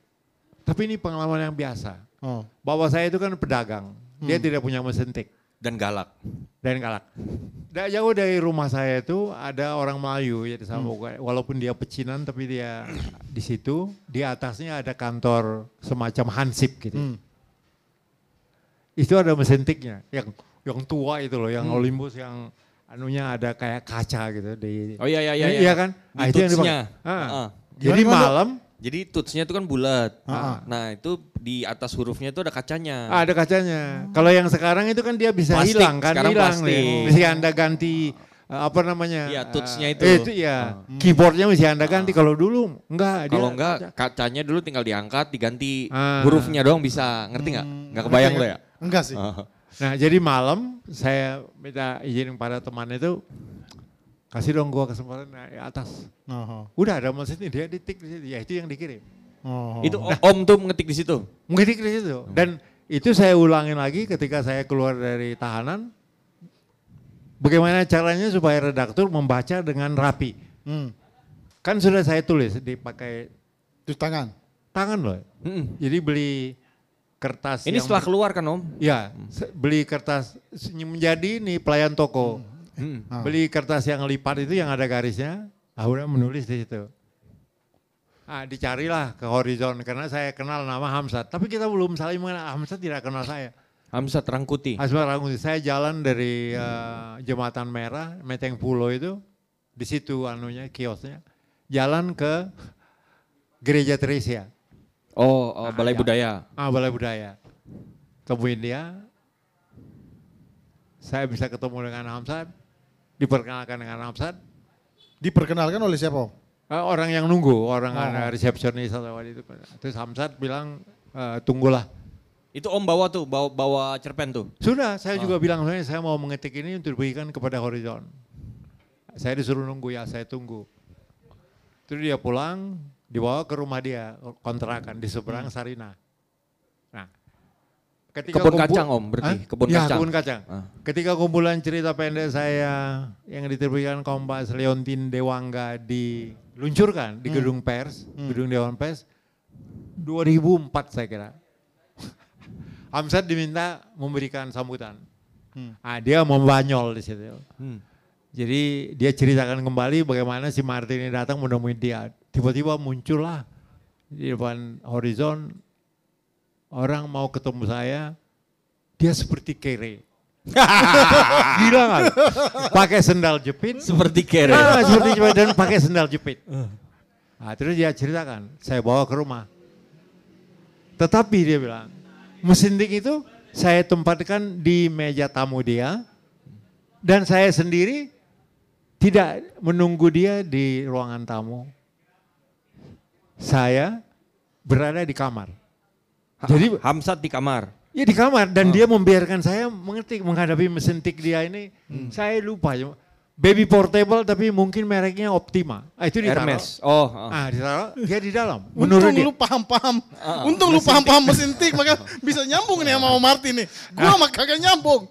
Lantas Hamzat bercerita waktu itu dia bilang, saya akan dengarkan dari dalam kamar saya. Cetak, cetak, cetak. Ka- Karena kan dia tidak kenal saya kan. Dan Iya, dia iya. menganggap orang yang datang ini adalah seorang Kere. Kere, ya. Takut maling. Ma- makanya terus dia bilang, kalau misalnya mesin tik berhenti tidak Berbunyi. bunyi, saya akan melompat, pastilah itu maling. Gila dan orang, orangnya digeger geger, ketawa dibikin itu. Ah. Waktu itu yang hadir antara lain si Barani, si Barani terus am- Yang ini karikatur. ah karikatur Oh. yang hadir waktu peluncuran itu si Barani terus Sobron juga hadir. Ya itu, jadi saya ulangi lagi terus mengetik Hmm. di situ dan dimuat oleh Horizon tiga kali ceritanya ah, itu yang menjadi paspor untuk terjun kembali ke jurnalistik. Hmm. Ter- terjun kembali ke jurnalistik tahun berapa tuh? Om? Eh, sebetulnya saya mulai di Express kan. Saya temuin Gunawan karena di situ ada ilustrator namanya Jufri Tanisan. Dia eh, dia mengatakan kalau Martin nggak ada kerjaan sekarang Express kekurangan orang, cobalah. Saya temuin Gunawan. Saya ceritakan di situ, saya bilang Yang Nama- itu di sela-sela Om lagi bantu jagain toko Iya, salah. toko. Nama saya ini, saya bilang, oh begitu kata Guna. Masuk, dia bilang. Dia, dia bilang masuk. Jadi saya sempat sebulan di situ kerja Express. di Express. Nah, tetapi ketika saya terima gaji, dia hanya Kurang. eh, kurang 6 ribu. Sedangkan saya menjaga toko, harian saya dibayar 250. Jadi berarti eh, Jauh banget Om. Iya, makanya. akhirnya saya cabut lagi. saya, saya cabut lagi. Saya cabut lagi. Dari Express. Ya, berhenti. Saya kembali lagi kepada Kadis yang punya Toko kios ini, ini. ah. Ya, terserah kau lah. Ah, jalan. Tiba-tiba beberapa kemudian kemudian Express itu pecah antara klik BM dia dengan Rosiana Anwar. Nah, tentu Gunawan memihak Rosian. Rosian. Nah, terus mereka menanyakan terbitnya Express. Saya pamit lagi sama yang punya los. Ah. Silakan kau coba, kau mau coba lagi. Tapi memang lossnya nah, sampai sekarang saya kira nggak maju itu pasar. Di mana? Di Jembatan Merah. Jadi kalau Anda mau ke pemakaman eh, Menteng Pulo, Anda di Jalan Saharjo, kan ada Jembatan Merah. Saya enggak, enggak. Ada. enggak. Pokoknya Tahu, kalau Anda mau masuk ke pemak- pekuburan eh, Menteng Pulo, itu akan dilewati. Jadi begitu Anda masuk ke eh, membelok dari Saharjo, kira-kira 50 meter atau 100 meter di kanan itu ada pasar. Mas, masih ada nih. Saya kira masih ada, tapi dia nggak maju, nggak bergerak. Hmm. Nah terus itu tahun berapa tadi Om? Maaf. eh di Express itu saya tahun 70 sudah di situ. Kemudian Gunawan ini menerbitkannya itu akhir 70. Nah ketika dia akan sudah pasti punya cukong baru Ciputra dan Ali Sadikin, saya datang lagi. Itu saya masih ingat 15 Januari. eh Gunawan bilang masuk. ya masuk. Express. Enggak, Tempo. Oh Tempo. Tempo. Tanggal 15 Januari saya sudah di Tempo. Dia terbitkan 6 Maret. Dan mereka ada pelatihan. Jadi makanya saya tulis itu mereka persiapkan dengan serius. Iya, iya, iya. Jadi kita calon uh, reporter Jurnalis. itu tiap hari harus menyetor apa yang dilihat dari dalam perjalanan dari rumah ke kantor. Oh. Nah itu nanti dinilai oleh Usama. Usama ini kalau menulis bagus, cuma kadang-kadang konyol. Jadi tidak terkontrol. Kan saya kira di situ saya tulis. Jadi dulu ada permainan yang sangat populer di kalangan anak-anak. Ya. Ah, ini ada yoyo. Ya, Ah, ya, yoyo. ya. Jadi, enggak, jenisnya jadi bolanya dua. Diginiin dia tok-tok kan. Bunyinya jadi knock-knock gitu. Saya ada, tahu ada, ya betul. Nah Kok lu tahu? Makan, meninggal. dulu, dulu ada rubrik ilustrasi. Heeh. Nah, ada teman yang memberikan bahan mengenai sedang boomnya ini permainan Yoyo itu. Ah, yoyo. Laporannya jatuh kepada Usama. Usama menulis bagus, cepat dan bagus. Cuma kadang-kadang out of control dia. Jadi ya, ketika sampai kepada knock knock ini, dia bikin kurung. Harap jangan baca nono. Ya, ya. Enggak, tuh. Kayak masih ingat itu oplakannya sudah 25 ribu. Terpaksa dipesan eh, cap buta, jadi dia Ah. hanya hitam. Hanya untuk nimpa, jangan dibaca nomor itu. Cuma gila, berapa hari. Dua puluh lima ribu tuh harga Enggak, oplaknya, tirasnya pada waktu itu sudah 25 ribu. mahal juga ya? No, Bukan tempo eh, itu cetaknya 25 ribu Ya. eksemplar. Oh, dua puluh lima ribu eksemplar. Nah, Oh. Cetakan pertama itu sekitar 12.500, cetakan kedua dia sudah 25.000. Di situlah pada cetakan kesekian keluar nono itu. Terus ngecap satu-satu tuh. Iya satu dua. dan, dan waktu itu Ezul Fendi suka ngeledek. Kalau dia lihat saya, gimana? Lu ikut nimpe nggak? Kata. itu gila tuh. Jangan dibaca nonok. Ah, tuh, dia ano, ada orang tapi dia menulis bagus, cepat dan menarik. Cuma nakal. Tidak nakal ya dia dan Gunawan rupanya anu nggak baca atau Oh. yang berada di atas mungkin ah biarlah karena orang ya, juga su- tidak suka kepada Usama ini Oh. biarkan aja celaka mungkin gitu Oh. kita nggak tahu keluar dia ya, ya itu nono itu Nonoknya. Ditimpa pakai ini siapa hitam tuh Kalau Amarzan gabungnya? Dia gabungnya jadi Tempo mengadakan rapat redaksi untuk eh, buat laporan utama mengenai dikosongkannya buruh. Hmm. Tapi ada yang bertanya, Hmm. kalau sudah begitu saya merasa saya selalu eh, tidak tidak mau aktif. Coba dikira apa gitu, saya nggak mau. Eh, mereka kesulitan, siapa yang akan menulis? Hmm.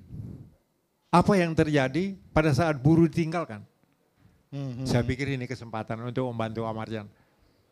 Ada saya bilang, saya punya orang, saya punya teman, dia menulis bagus. Nah, Budiman S. Hartoyo Hmm. yang menangani eh, bagian dari laporan utama itu mencari Amarjan. Amarjan tulis.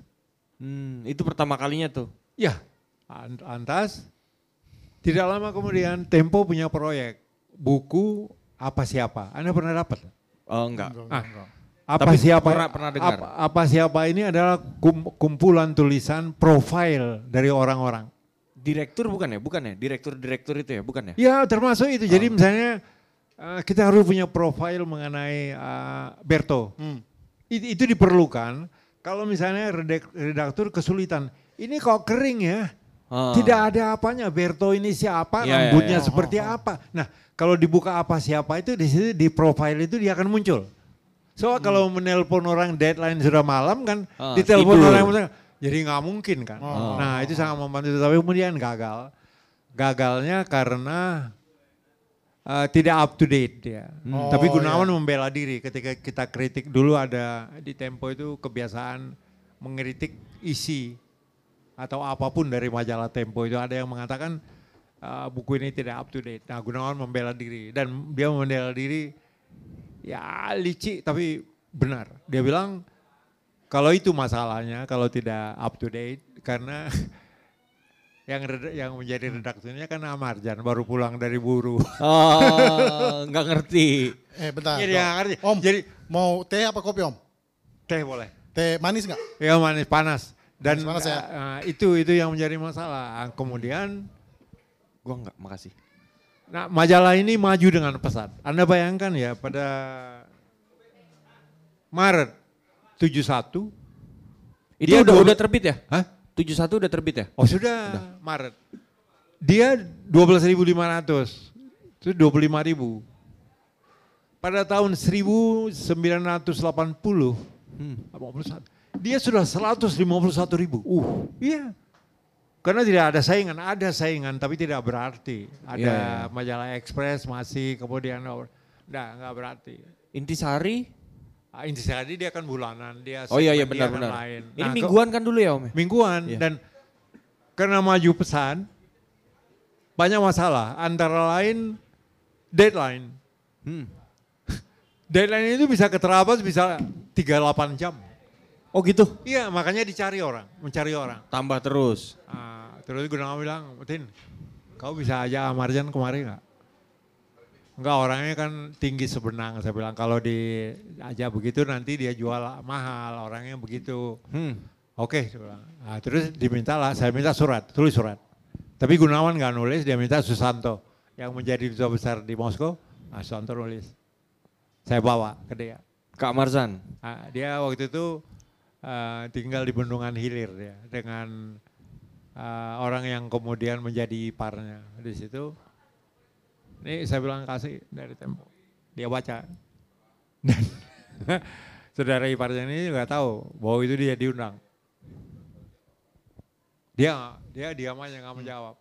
Iparnya bilang apalagi mau menjadi pengangguran katanya. Ah. Ah, dia, nah dia masuk, dia masuk, dia menulis cepat dan rapi. Hmm. Mesin tik itu kalau anda pakai itu kan nanti Kalau ada dakinya, ya. ada dakinya. kan? Ah. Di Tempo itu tidak ada orang yang melakukan kalau mau pulang mesin tik itu ditinggalkan dalam keadaan hurufnya itu bersih. Ah. Dia Amarjan punya anu, dia punya sikat gigit, sikat baru pulang. Oh gitu? Ya. Wah, menulis zaman itu Ah, dia, dia, iya, dia Iya, baru gila. pulang. Ah. Nah, Tapi kok akhirnya dia mau karena tadi iparnya itu? iya dia juga dia anu jual mahal gitu loh. Ah. Oh. Ini kan orang Medan. Kita tahu lah tipu-tipunya kan. Apa Raja Olah? Raja olah, raja olah. Ah, Raja Olah. Nah, eh, dan dia kalau dia masih hidup, kalau Anda ngobrol dengan dia, jangan Anda tulis. Dia harapkan Anda tulis. Ah. Tetapi Anda yang bertanggung jawab. Karena hampir semua yang dia katakan itu adalah bohong. Saya, saya tunjuk waktu saya menulis resensi eh, Wars Within mengenai tempo yang ditulis oleh Lindsay. yang ditulis oleh orang Amerika Ya, ya, yang ya, ya. Si Lindsay bukan sih? no, no, no, Janet Steele. Still, still. Ditulis Oh, oleh Janet. Ya. Ditulis ya, saya tulis resensi. Eh, perang di Jiro, di Jiro Tempo. Hmm. Saya ceritakan. Jadi saya ceritakan adalah seorang namanya Amarjan. Orang yang tidak kenal, orang ini kan orang Medan. Oh. Bual Deli orang kenal. Ah. Di dalam bukunya Janet ini, Amarjan mengatakan, dia masuk ke Tempo itu karena diminta, karena satu kali dia membuka pintu, ada surat di bawah pintu. Oh. Padahal om yang bawa tuh. Kata, enggak tunggu dulu. Terus saya ketemu Janet. Terus saya bilang, apa anda gila? Yang bawa surat itu hantu atau siapa? Enggak, dia bilang begitu. Jangan percaya kepada Amarjan. Anda suruh dia menulis, baru anda kutip. Kalau enggak anda dibohongin. Kalau ngomong pasti bohong tuh dia. Pasti bohong supaya anda ketawa. Itu loh. Nah, Amarzan Lubis nih ya. Ya, itu- Gawat banget nih ya. Nah, lantas eh, satu ketika ada pertemuan bulanan eh, diskusi bulan purnama Bulan di tempatnya purnama. toh. Ah, ah. Hmm. Saya datang terlambat. Di depan itu ada Wi Hayun. Ada siapa lagi gitu. Tapi Amarjan juga duduk. ada pasti itu. Ah, ada. Ah, Amarjan duduk di depan. Saya datang terlambat. Dia berdiri. Dia datang. Dia datangin saya. Aku tahu, katanya, kau yang membawa surat itu. Tapi Ah. kau lihat, Amerika kena. kata. Gila, gila. Jadi nggak tanggung yang dia tipu itu ya supaya orang ketawa. Orang Amerika. Ah. Anjing. Peneliti serius nih. Iya, Dan serius. Dan Janet Steele percaya itu. Ah. Tiba-tiba ada surat di bawah. Ah, dia- mungkin Janet Steele bukan cuma percaya om mau nangis dengarnya. Dia dia bilang begitu Martin. Sebab Janet Steele ini ketika dia mau mulai proyek dia itu, dia datang ke kantor saya. Waktu itu saya sudah di UN Information Center di Kebon Siri, dibawa oleh Melanie. Melani. Budianta. Melanie Budianta. Oh. Melanie yang bawa ke saya. Oh. Sebab uh, in- introduksi dari Janet, bagaimana ya so- s- majalah ditutup tapi orang merasa kehilangan dan apa gitu. loh. Saya bilang Ini yang ya, pemberedaran pertama berarti ya? no, no, no, itu itu terakhir Juni. Oh. Juni 90 berapa gitu. 97 ya, eh, 96. Saya bilang Anda benar, tapi jangan lupa. Geng atau yang kelompok yang membesarkan tempo itu adalah mereka yang bekerja ketika dia ekspres. Dan ekspres itu tidak maju. Hmm. Ma- Maka kuncinya menurut saya adalah ada Ali Sadikin dan Ciputra yang berada di belakang. Hmm. Ah, nggak tahu ya itu dia pergi. Ya begitulah majalah itu jadi, eh, tulisan itu jadi. Janet Steele. Dan itu sudah diterjemahkan ke dalam bahasa Indonesia kan? Iya udah. Udah. Dibohongin itu si peneliti Enggak, Amerika dia, itu. Dia jadi eh, di katakanlah ini orang Medan ini dia tidak dia berbohong itu Seperti bernafas. tidak tidak seperti ini ya eh, investasi bodong dengan harapan untung tidak. Ah. Harapannya adalah seperti tadi kan ketika ketemu Bisa jadi bahan, bahan. ketawa. Ah, iya, iya. Ah, iya kan, aku tahu kalau kena, kita ketawa. Amerika kena katanya, wah ini gila kan. Benar Raja Olah tuh ya. Raja Olah Itu banget. Om pernah nulis cerpen yang tentang tokoh yang suka bohong sampai dia- Ya ada, dia haji dia. Oh. Pekerjaan dia bohong. Ah. iya benar, itu di kota kita. di Iya di Tanjung Balai itu. Dia, Balai. iya, jadi dia dia ada kan dia, dia jual peci kan ini orang. Oh. Dia jual peci, dia lihat ada orang kampung lewat di depan tokonya. Dia iseng aja. Eh, dari mana kau? Bisa nggak carikan lintah? Lintah. Lintah, Bi- pacet itu. Binatang ah, pacat. Nah, ah. dia kan dari kampung nggak? Kenapa? Rupanya, ya itu apotek itu dia perlukan. Tapi jangan kau ke sana, kau bawa aja langsung. Dan orang kampung ini lah, pergilah ke paya ke pak ke ini kan ke suam ini apa Ah. namanya? Rawa, rawa. rawa rawa. Eh, kalau saya ditaruhkan kakinya, angkat, Nempel penuh, semua, nempel, ah. Dia bawa dua ember, langsung dibawa ke apotek itu tuh. Ah. Yang punya apotek, dia kaget. Tapi kemudian dia tahu, oh ini permainan Pak Haji. Ah. jadi nah, jadi Haji ini dia berani mengeluarkan uang supaya kota itu tertawa. Karena nanti apa yang terjadi itu dibawa ke kedai kopi. Kedai kopi nggak kayak di sini. Di kedai kopi itu hanya menjual kue dan kopi. Dan di situlah orang ngobrol dengan modal satu cangkir kopi mulai dari pagi sampai maghrib. Ah, jadi cerita tipu menipu itu udah menjadi bahan tertawaan di situ. Bapak saya juga pernah kena. Iya, jadi kan saya yang suka buka pi- pintu toko ini kan. Tiba-tiba di depan itu ada paling tidak tiga ini ya, tiga becak kangkung. Kangkung. Menimbun, iya kangkung. Jadi ke kota itu supply-nya itu datang dari luar, dibawa pakai kereta. Terus nanti diteruskan dengan becak, ke- dibawa ke pasar. Kere- kereta. Oh. Kereta api. Oh. Ada daerah namanya eh, Air Joman dekat Kisaran, itu daerah pertanian. Jadi kangkung, bayam, kol itu dari situ datangnya. Nah, dari stasiun nanti dibawa oleh becak. Jadi menimbun itu kangkung di depan. Oh, oh. Saya bilang, Pak ini bagaimana? Bapak saya udah tahu, dia lihat, Ini Pak Haji nih. iya udah. Kau panggil aja becak, bawa aja lagi. Dan ternyata di kedai kopi yang beredar adalah Haji Johari ini melihat ke toko kita kan bagaimana reaksi bapak saya. Gitu. Ah. Dan dia mengeluarkan uang untuk tukang beca itu dan membeli Niat ya? Iya, hanya untuk bikin orang ketawa. Keren. Keren gak tuh? Makanya di dalam penutup cerita itu saya bilang ketika dia meninggal, kota itu menangis ya. Termasuk orang-orang Buddha, orang-orang Tionghoa. Karena mereka itu tidak punya sumber lagi yang membuat Oh. yang, Ih, keren banget ya. wah, yang dakwah dengan ketawa gitu. Oh, oh, oh, oh, oh. Iya itu udah Amarjan ini antara lain itu dia. Amarsan ya. Bisa Punya sifat-sifat dia seperti punya itu. aduh, dia bukan untuk mencari keuntungan enggak. Ah. Enggak. Pokoknya nanti ketemu udah ketawa. Oh, wah kacau banget. Jadi makanya kalau ketemu sama teman-teman belakangan ini yang suka ketemu dia, Amarjan bagaimana? Nah, dia Dia pernah juga kan, cerita. Om? Hah? Sudah meninggal kan? Udah. Jadi dia dengan dikirim Tempo bersama si Farid Gaban saya kira ke Israel. Hmm. Ya. Hmm. Dia cerita kepada banyak orang, termasuk kepada saya. Dia naik taksi, dia menemukan kartu nama dari supir taksi ini bahwa dia adalah anggota Mossad. Nggak. Terus saya bilang, kau tulis enggak? Oh. Ah, jangan begitu katanya. Ah, dia udah tahu, udah tahu. Oh, jangan begitu. Ya, dan itu diceritakan kepada orang lain dan orang lain percaya. Oh. Itu gila kan? Oh. Antar tulisan sama omongan. Ah, Mesti sesama orang Medan tak baru tahu nih.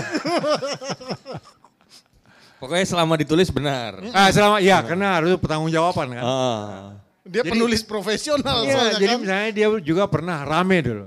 Dia katakan dia menolak memuat puisi Aidit. Hmm.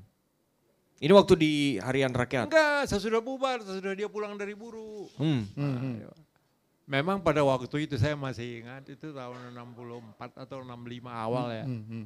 Adi- Ano, ketua kita itu ngirim puisi. Tapi itu udah jaminan dimuat, orang nggak berani. Tapi dia pakai nama Ahmad. Oh. Nah, Marjan kan tahu. Terus karena saya duduk di depan dia, dia tunjukkan. Kau tengok dulu ini, puisi itu memang tidak bagus. Iya, bagus. Tapi dimuat. Kedua Tapi soalnya. ketika dia wawancari orang Seragi 30 dia bilang, saya tolak. Karena Oh. akan mencemari partai apa harian rakyat gitu loh. Menurut dia ngomong kosong. Oh. Ada itu dia muat. Nah, Lantas dia bawa ke mana-mana. Dia bilang Nyoto mau- mau nelpon saya. Kenapa tidak dimuat? Saya bilang ya ini akan merendahkan mutu kita. Ah. Nah, dia bilang begitu. Jelek ya dia nggak berani, dia nggak berani nulis. Ah. Karena diwawancara orang dia ngomong. Ah, ah, Kalau dia nulis sendiri nggak akan Ah, dia. dia nggak ada, yang nggak berani. Tapi akhirnya dimuat kan deh? Dimuat, Dimuat. dimuat, Ah. dimuat. Dia hanya menunjukkan bahwa dia penting gitu. Ah. jelek tapi, jelek. Hah? Jelek emang. Puisinya nggak. Amatir gitu ya? Iya. Ah, ah. Kayak yang baca puisinya mau cetung kan gimana. Oh iya iya. iya. Kecuali Ho Chi Minh ya. Ya, ya, ya. Kalau Ho Chi Minh lebih bagus loh. Bagus ya. Ada satu puisi dia yang saya masih ingat. Eh, bulan memancing saja. Tunggu, saya masih ada urusan perang. Oh itu bagus. Uh. Wis. Itu keren. Ah. Itu Om baca di waktu di zaman 60-an itu. Ya, Puisi 60 Ho Chi Minh waktu ini. kita masih waktu itu masih masih baru keluar dari Hmm. SMA. Waktu itu.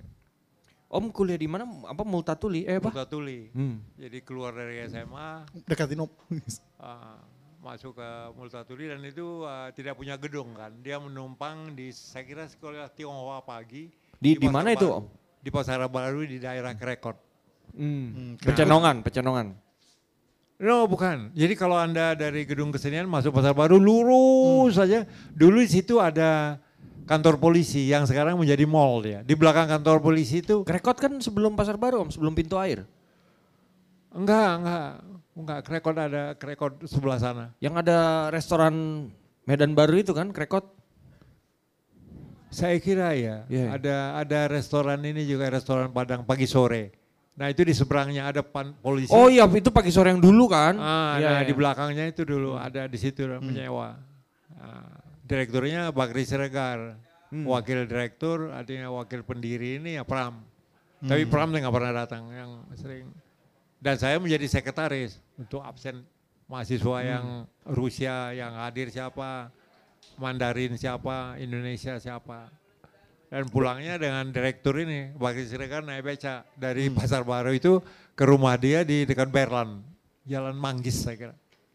Jauh juga tuh Om. Jauh. Nanti dia berhenti, Pak Bakri bilang kita makan putu dulu. Kue Makan- putu. Makan putu di ini, eh, Pasar Kenari. Oh, Senen. Nah, Kenari ya, iya, ada iya. jual putu ya, beli putu itu sambil makan putu. Wah, asik banget tuh. Eh, Gokil dari Krekot naik beca ke Berlan tuh jauh loh. Berapa lama tuh Om? Lama itu masih Gak dong? lama, kemudian saya dapat kerjaan. Enggak, perjalanannya maksudnya. Naik beca. Hmm. Ya Pak, saya kira Satu setengah jam. lebih. Enggak, enggak sampai. Karena waktu itu kan enggak kayak sekarang, Oh, iya, macet. iya, iya. Enggak. Oh, ya. Gedung masih jarang juga tuh ya Om ya. Hah? Masih jarang gedung tuh ya. Jakarta waktu itu tuh kayak No, Sarina udah ada kan. Ya. AI udah ada. Itu udah kebakaran ya Sarina? tram sudah enggak ada. Oh tram ya. Tram ya. sudah enggak ada. Tapi eh, relnya ada. Hmm. Relnya dibiarkan eh, ditutup oleh anu ya. Konblok itu Ya, kan? di blok aja. Nah Om di Multatuli itu nggak nggak sampai selesai. Enggak, mula-mula saya masuk eh, sastra Rusia. Hmm. di kantor karena saya diomelin. Apa kok kamu nggak bisa bahasa Indonesia? Akhirnya saya pindah karena diajak terus kan. Oh. Sastra Rusia ada, kemudian Mandarin, eh, Indonesia. Oh. Jadi Om pindah ke sastra Indonesia. Pindah, ada pilihan saya sebetulnya sastra Rusia. Hmm. Nah, terus nggak lama kemudian dapat kerjaan di HR ya terbengkalai. Dan waktu itu sangat minim ya sumber daya manusia. Anda bayangkan ya ada majalah eh, penerbitan resmi dari Lekra namanya Zaman Baru. Itu Ya, ya. formatnya koran. Hmm. Nah saya dipanggil ke rumahnya Nyoto untuk menjadikan format ini majalah. Hmm. Saya datang. Anda bayangkan waktu itu saya umurnya baru 17, 20, 20, saya kira. Di rumah 20, baru- di? di Jalan Malang. Yang ini ada ada gereja Loyola. Loyola. Nah, Jalan oh, Malang, deket siswa. kali. ya dekat Iya, iya. kali. ya, Dekat Jalan samping rel kereta. Hmm, hmm. Nah itu nanti kemudian pada waktu ya PKI Nurajaya itu ada niat untuk eh, bukan menyaingi ya artinya mau punya majalah intisari sendiri. Hmm.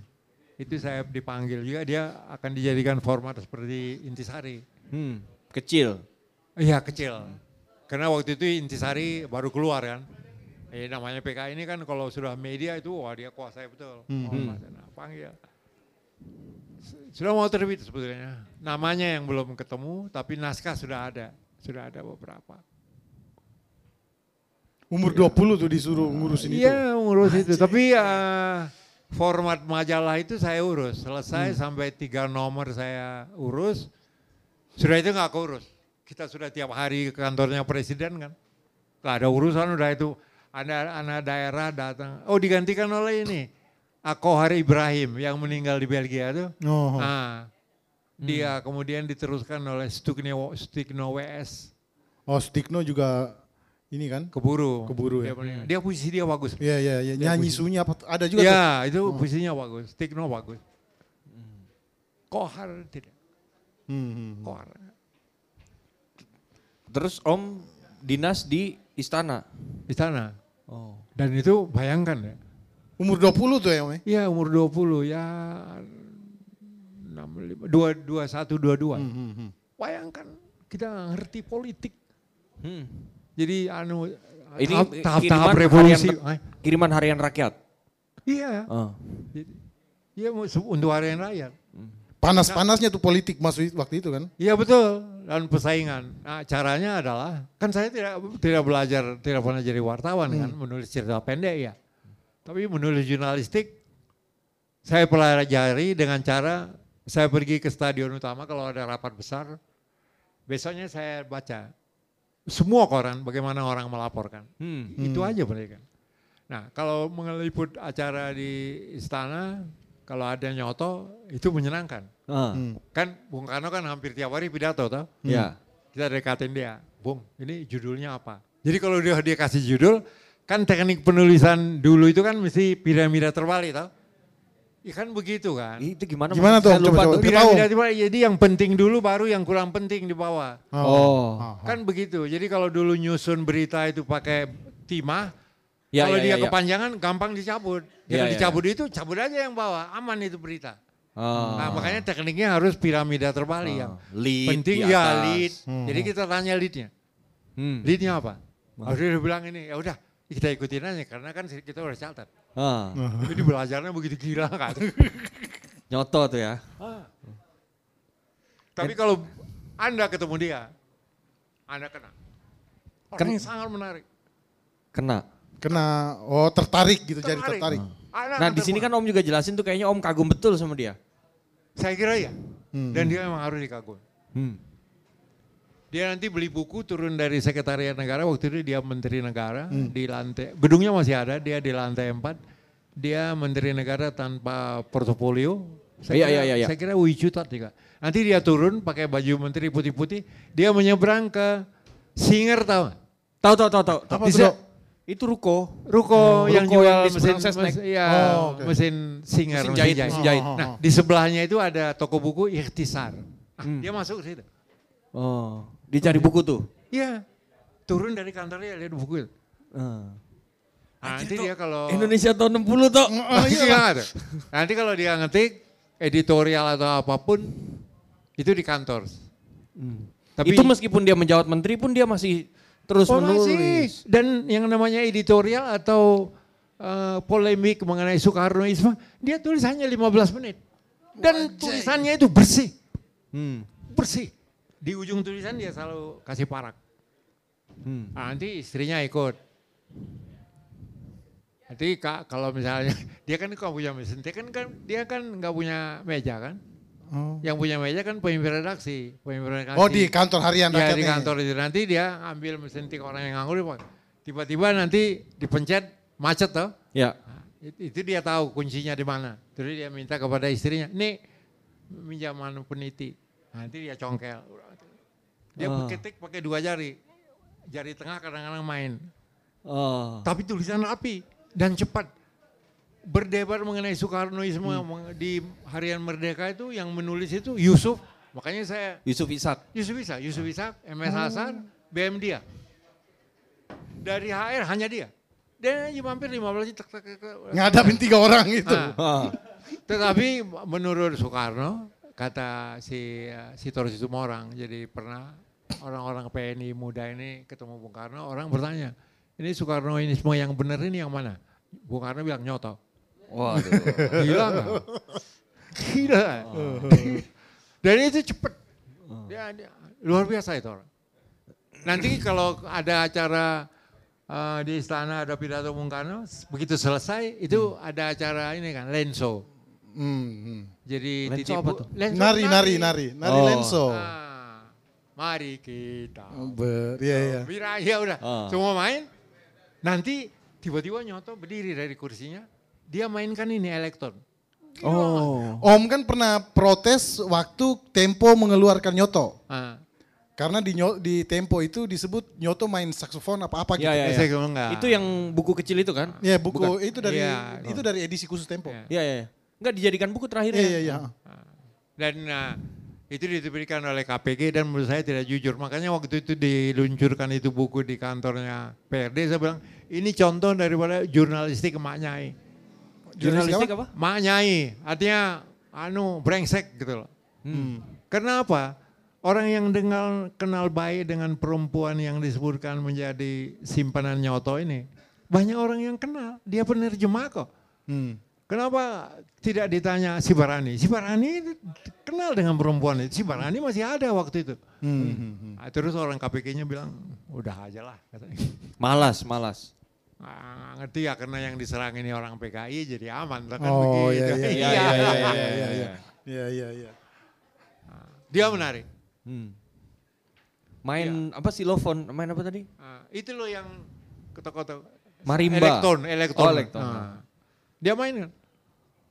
Gila nggak? Hmm, hmm, hmm. Dan dia kan berteman baik dengan Jack Lesmana kan.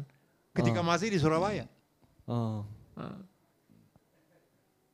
Nah restoran Tionghoa yang suka dia mampir dulu dengan istrinya adalah dia masih ada sekarang restoran. Oh, ada Cikini trio. kan? No, no, trio. Trio, iya ya. Oh di bukan, sampingnya bukan. Hero, Hero. Bukan Paramount. Saya sudah Paramount Iya, dia. iya, iya, iya, iya. Restoran Tina. dekat Gon- samping gon- Manado itu kan yang ada Manado. Ah, iya, betul. Rendezvous. itu. Hah? Rendezvous. Bukan ini dekat samping Trio. ini dong. Iya, trio benar. Restoran Ah, trio, trio saya kira. Iya. Restoran trio Dia itu selalu mampir situ. Samping ini apa Tinor. Iya, iya, iya, iya. Iya, iya, betul. Dia suka mampir situ. Revolusioner berarti dia tuh ya? Revolusioner. Revolusioner. Kalau, kalau Bung Karno kepada wartawan bilang, hei wartawan tahu nggak masakan Cina yang paling enak, masakan Tiongkok paling enak? Enggak pak, pergi ke Gelodok. Hmm. Sore ya, dia bilang. Taplak mejanya merah. Oh dia dia rumahnya suka ke situ. Oh, namanya apa? Hah? Namanya? Enggak itu anu dulu kan restoran yang anu kayak sekarang eh, Lesehan. cuma modal meja gitu kan banyak dulu. Kaki lima Nah, gitu. kaki lima, iya. Oh. Tapi itu bukannya sore kata dia. Taplaknya meja. Taplak merah. Merah. Ya merah. Ah. Dan dia kalau ketemu menteri atau apa atau ketemu Hmm, hmm. ketemu kita ini makanya eh, pernah dia undang minum teh misalnya. Dia pakai kaos oblong putih. Ah. Dan itu sudah ada semacam gentleman agreement bahwa kita tidak boleh Menulis. memotret dia dan memotret keadaan fisik dia seperti itu Hmm, hmm. dengan kepalanya yang botak, Botak. belakang, Hmm. putih. Eh, kita kita enggak. Dan dia makan cepat. Soekarno.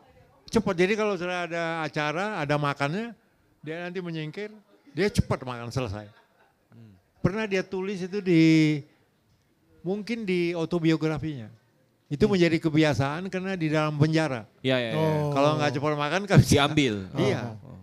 Oh, oh, oh. Nah Om ini kan cerita tentang Jakarta bahasa itu gitu ya. Ini kan eh, beda gitu loh ini maksudnya. Beda ya, Jakarta- Tok? Maksudnya Jakarta zaman dulu tuh gua saya agak sulit gitu loh me- me- membayangkannya tuh gimana gitu. Di tahun-tahun yang tadi Om cerita tentang restoran trio, terus tadi ru- apa keluar dari turun dari nyoto turun dari eh, kantor langsung ke toko buku gitu. Sekarang nggak mungkin. ya. Iya. Ah, dulu itu pusat keramaiannya adalah di Keramat. Keramat Senen. Selain kan ada bioskop di situ kan? Oh yang di pojok. Ah dia pojok. itu. Apa sih namanya tuh? Ah, ah, saya lupa. Iya, iya. Dulu namanya Grand. Hmm. Nah itu kalau mulai pukul 5 sore, itu mulai dari situ sampai ke dekat Pal Putih, dekat McDonald sekarang, itu berjajar ini. Beca, Hmm. yang menurut Ali Sadikin tidak ada di dunia ini, kecuali di Jakarta, Hmm. beca komplit. Beca komplit. Komplit. Beca komplit apa tuh? Ah, jadi ada beca, itu di beca itu ada paling tidak satu perempuan. Oh. Wah, itu dasar. ada. Semacam Angelo gitu ya. Dan di situ ada dokter namanya dokter Basri. Dia datang ke situ pakai mobil VW. Mungkin itu tahun 60-an ya. Oh itu yang tadi buat suntik penisilin itu. Ah, dan mobilnya itu ada kitirannya di atas. Belakangan mungkin karena dia bangkrut dia datang pakai beca. Pakai kitiran. Oh. Jadi kalau orang mau suntik di situ juga suntik. Dan dia Wah, dokter. Sito, keren banget Tok. Dan dia dokter. Dan dia dokter. Oh. Dan dia dokter. Becak-becak deh. suntik Wah, gila eh. Ah, nanti dibawa ke belakang. Oh. Ada namanya di belakang itu Kota Paris. Mungkin nama itu sekarang masih ada. Kota Paris. Kota Paris. Di belakang bioskop. Enggak dibawa ke belakang dia. Jadi ke dekat eh, ada tangsi penggorengan sebenarnya ke sana. Hmm, itu wilayah-wilayah tanah tinggi kali, enggak? Ah, iya, Tanah- wilayah tanah tinggi situ ya? ya? tanah tinggi. Nah, kalau dulu bus itu dia penuh sesak dengan manusia. Terutama kalau ada sepak bola. Wis, aha. Karena sepak bola kita di Asia kuat Oh loh. bagus. Pak. Dan pelatihnya orang Yugoslavia. Oh. Namanya Tony Poganik. Tony Poganik ini orang Yugoslavia dan dia buat rakyat Indonesia lebih populer daripada Mar Marsikal Tito. Orang tidak kenal Tito siapa. Yegor Tito. Iya. Tony Poganik semua orang kenal. Ah. Oh. Ramang semua itu semua dihasilkan. Nah, kalau sudah ada pertandingan di stadion utama, wah itu pulangnya repot. Ini Gelora Bung Karno berarti? Iya kalau saat itulah bis Penuh. penuh. Orang kegelantungan. Karena kalau dia jalan kaki, seperti saya misalnya sampai ke Cikini itu bisa sampai 5 kilo Dua, lebih. dua jam. Ya 5 kilo lebih. Hmm. Nah saat itu, tapi kalau hari biasa tidak. Hmm. Nah, dari Manggarai itu ada beroperasi namanya Bemo. Masih ada Bemo? Masih ada udah kayaknya. ada. Nggak tahu sekarang Masih. ya. Nggak ada. Masih kayak. Di mana? Nggak ada. Manggarai. Terakhir di Ben Hill. Enggak Ya dong. di Ben enggak. Hill, Ben Hill masih ada. Ben dulu. Hill udah nggak ada. Yang terakhir itu Manggarai ke Karolus dong. Ah betul, dia betul. Stasiun Manggarai ke Masih Karolus ada. gitu muter. Itu masih Sekarang ada. udah nggak ada kan? Gua Sekarang nggak tahu. udah enggak, sudah enggak. Udah. Nah, dulu kita mahasiswa supaya menghemat. Jadi kalau kita makan, war- warung Tegal kan buk- bukan seperti yang sekarang punya tempat permanen enggak. Oh. Dia pakai kajang. Apa kajang? Keranjang. Kajang. Atap, atap. Oh, yang terpal dibuat gitu. dari nipah, bukan terpal, nipah aja gitu. Aha. Bambu. Nah, kita pesannya itu, kalau nasinya, nasi seperempat. Hmm. Kenapa? Kenapa? Nanti kita akan tambah seperempat lagi. Hmm. Kan setengah kan? Ya.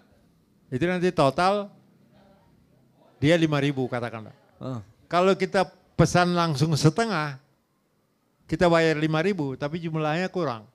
Makanya kita pesannya dua kali seperempat. Oh. Ada trik-triknya. ada trik-triknya. Dan tempe itu sudah biasa. Makan dua, Bayar satu. bayar satu, Oh. bayar makan lima, bilang tiga. Nah yang kita harapkan itu adalah kalau terjadi pembersihan. Kan Oh, mereka kabur kan? Kabur. kabur. kabur ya piringnya kita bawa pulang dulu Be- besok baru di store kan ya cincong-cincong kan makan gak bayar lah kan Kacau nih. dan itu warung tegal yang seperti itu adanya di belakang Sarinah. Sekarang nih. Iya, yang di Sarinah sekarang ini sebelah sininya, di situ dulu mangkal. Oh. Hmm. Warungan, warung uh, Tapi Tegal. semua warung Tegal kayak gitu. Iya. Jadi dia dadakan, dia akan Nggak, buka. nggak, nggak ada. Zamannya Pak Harto baru mereka punya. Nah, Hmm. waktu saya kerja di UN Information Center di Kebun Siri, Hmm. di belakangnya itu ada warung Tegal. Kebun kacang kan Orangnya- belakangnya itu. Bukan yang Kebun Siri, yang ke sebelah sini. Oh iya iya. Di belakangnya itu ada warung Tegal. Yang punya ini artinya yang mengoperasikannya orang yang agak tua. Terus saya lihat gitu, Pak kasih nasinya seperempat. Eh dia lihat, Ah. wah itu sudah lama kan. katanya. Oh, udah nggak gitu lagi Dan sekarang. dulu kalau kopi, kita boleh pesan, umumnya orang pesan setengah. Hmm. ya. So kalau dia penuh, itu kan bisa bisa lima ribu kan. Kalau setengah hanya tiga ribu. Hmm. Sudah mau habis, minta jok. Jok. Lagi dia. Di jok artinya ditambahin. Ditambahin airnya. air. Oh. Seka- sekarang nggak ada kan. Digebugin om. Apalagi ini Starbucks nggak mungkin. Tahun berapa nih? Tahun Iya 61. sebelum G30 S Iya. itu masih masih kita pesan setengah setengah cangkir apa setengah gelas kopi dunia eh, kopi itu gelas nggak ada yang pakai cangkir kan hmm. kalau di warung Tegal gelas belimbing gitu ya? Iya. Ya. Sekarang nggak tahu apa dia pakai cangkir kalau di Enggak, warung enggak tetap gelas, tetap gelas. Kalau di Tegal warteg tetap gelas. Tapi coba pesan setengah, apa dia kasih? Enggak. Ya. Dan dulu yang dihidangkan itu, Ah. seingat saya tidak ada ayam. Sapi kayaknya ada ya ampla. Ampela dari ayam om. Ah, Sapi nggak punya Enggak, ampela? Bu. Artinya eh, dari sapi. Tapi ayam enggak. Oh. Hati sapi Tapi gitu ya. hati ayam eh, kayaknya enggak ada. Kenapa? Ya begitulah tingkat eh, hidup waktu itu. Nah, tetapi ada Oh. Sapi kan yang, lebih mahal. Iya dia ada. Ya, pokoknya ampla itu apa eh, Hmm. sapi itu ada dia, berapa potong gitu disediain. Nah, Hmm. eh, yang tidak ada yang menjadi mewah adalah eh, rempeyek udang. Hmm. Nah, itu kan mahal sekali sekarang. Dulu murah. Sama harganya dengan tempe. Padahal dia udang. Hmm. Hmm. Nah, itu hilang dia karena mahal. Kan? Ya ya. Nah, sekarang sudah macam-macam dia hidangkan kan. Kalau dulu nggak ada, sangat sederhana dan ini eh, yang paling ada cuma eh, sayur bening. Jadi, Oh iya iya iya. ya kan Wortel. toge atau ah, Oh. Gila ya. Warung waktu itu do ya. Mm-mm. Nah itu kan tadi sempat juga di sini tuh Om ini ngomongin soal makanan nih lanjut gue ingat nih. Gulai, gulai dari ibunya. sini- Iya nggak ada lagi bahwa sarimi pernah eh sarimi apa Indomie sih sebutannya waktu itu pernah menjadi makanan mewah. Oh Jadi iya, kalau itu orang- se- se- sesudah Harto naik. Oh, oh, oh. Sebelumnya enggak, orang nggak kenal. Hmm. Mie enggak. Kan apa? Siapa? Sudono se- Salim. iya betul. Oh, oh, Kita oh. punya anu pabrik gandum kan. Hmm, hmm. Itu mewah. Mewah tuh di masa-masa Oh, itu. iya betul, iya di ada telurnya itu telur ceplok wah. Oh ada gambarnya yang gambar Iya. gitu ya. Ah. Gila zaman itu. Nah, tadi ini apa eh, balik lagi yang tadi harian rakyat itu dong. Ya. Harian rakyat tadi Om sempat cerita tentang proses redaksinya juga kan? Ya. Proses redaksinya. Nah, waktu itu em, tadi ada dua tuh, yang hari biasa, hari-hari biasa gitu, yang biasanya untuk orang yang menulis Cerpen-cerpen. Cerpen-cerpen, ah, Iya, iya. cerpen-cerpen yang mungkin Iya. pembelajar-pembelajar awal Iya betul gitu. ya, pemula gitu. Ah, ah, pemula terus eh, Ada yang kebudayaan. Iya, baru kebudayaan- yang Hari lebih lebih ini ya, lebih katakanlah sastrawan sastrawan Iya, ininya betul. lah gitu. Ya, kayak agam wispi apa ya Oh, oh, oh, oh. Nah, terus kalau di dalam para penulis lekranya sendiri yang sering terbit di harian rakyat itu krit, saling mengkritiknya gimana Tom? Eh, itu nggak banyak beda. Ya, Hmm. eh, tidak tidak begitu tajam. Hmm. Hmm. Tetapi yang tidak baik sekarang ini, yang sastrawan sekarang ini kalau saya perhatikan, Hmm. kalau kita menulis, kalau sebenarnya saya ya menulis Hmm. di Kompas, kalau ketemu dengan teman sesama penulis, itu anu eh, dianggap dia tidak tahu.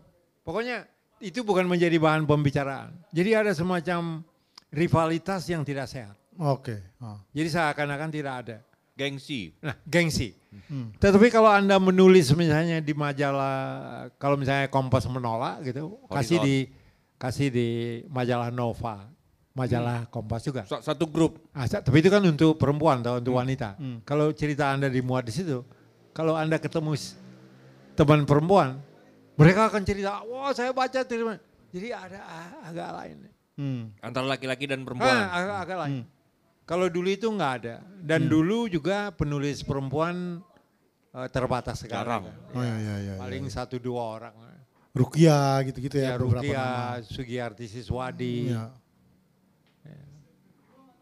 Jadi kritik pun nggak terlalu di masa eh, zaman-zaman 60-an itu nggak lebih kepada Tidak, polemik-polemik. mung- mungkin karena waktu itu kan politik. Jadi Hmm. misalnya ada manifest kebudayaan. Orang lebih sibuk di situ ya, ya. dia sibuk ke situ. Jadi konsentrasi ke sana. Mungkin karena itu. Hmm, tapi kalau karya nggak terlalu nggak kelihatan ya. terlalu. Nah, mengenai uh, Bintang Timur juga orang anak-anak muda sekarang sering salah. Hmm. Uh, Pram mengeritik itu tidak di harian raya. Dia mau menyerang Hamka, dia menyerang manifest kebudayaan, serangan pada uh, Hamka, uh, manifest kebudayaan itu di Bintang Timur. di Bintang Timur. Oh. Orang lupa. Hmm. Seakan-akan Bintang Timur ini karena Pram menulis itu, itu korannya katakanlah PKI atau Lekra. Hmm, Lekra. Bintang Timur ini kan dulu pernah saya tulis bahwa dulu itu media itu harus punya afiliasi. Hmm. Jadi misalnya Bintang Timur afiliasi dia Partindo. Seluruh Indonesia itu PNI. Nahdlatul Ulama punya koran sendiri. eh, Duta Masyarakat. Nah, PKI ini punya Harian Rakyat. Nah, kalau Pram menulis di Bintang Timur, Anda jangan samakan dengan Ha- Lekran. oh ya ya. Ya, Karena Partindo itu punya lembaga kebudayaan namanya Lesbi. Hmm. Itu loh, jadi anu orang nggak nggak ngerti apa karena dia tidak tahu atau memang sengaja nggak jelas. Jadi si Bintang Timur ini Partindo sebetulnya. ya? Partindo, Partindo dia Partindo bukan PKI. Cuma kan sebagai namanya medium kan orang nulis bisa di mana aja gitu kan. Iya iya iya. iya. Hmm. Eh, tirasnya cukup besar dan dia kuat dalam anti korupsi. Si Bintang itu, Timur ya, ini. Bintang Timur. Oh itu di sana waktu masa itu korupsi gila-gilaan kan ya? Ada korupsi terutama orang partai juga. Hmm. Kan kalau nggak salah ya Pak, Li- Pak Wilopo dari PNI. Oh, itu yang- kabinet ya, Wilopo ya, itu. Kabinet, ya. ya korupsi ada tapi waktu itu yang mau dikorup apa.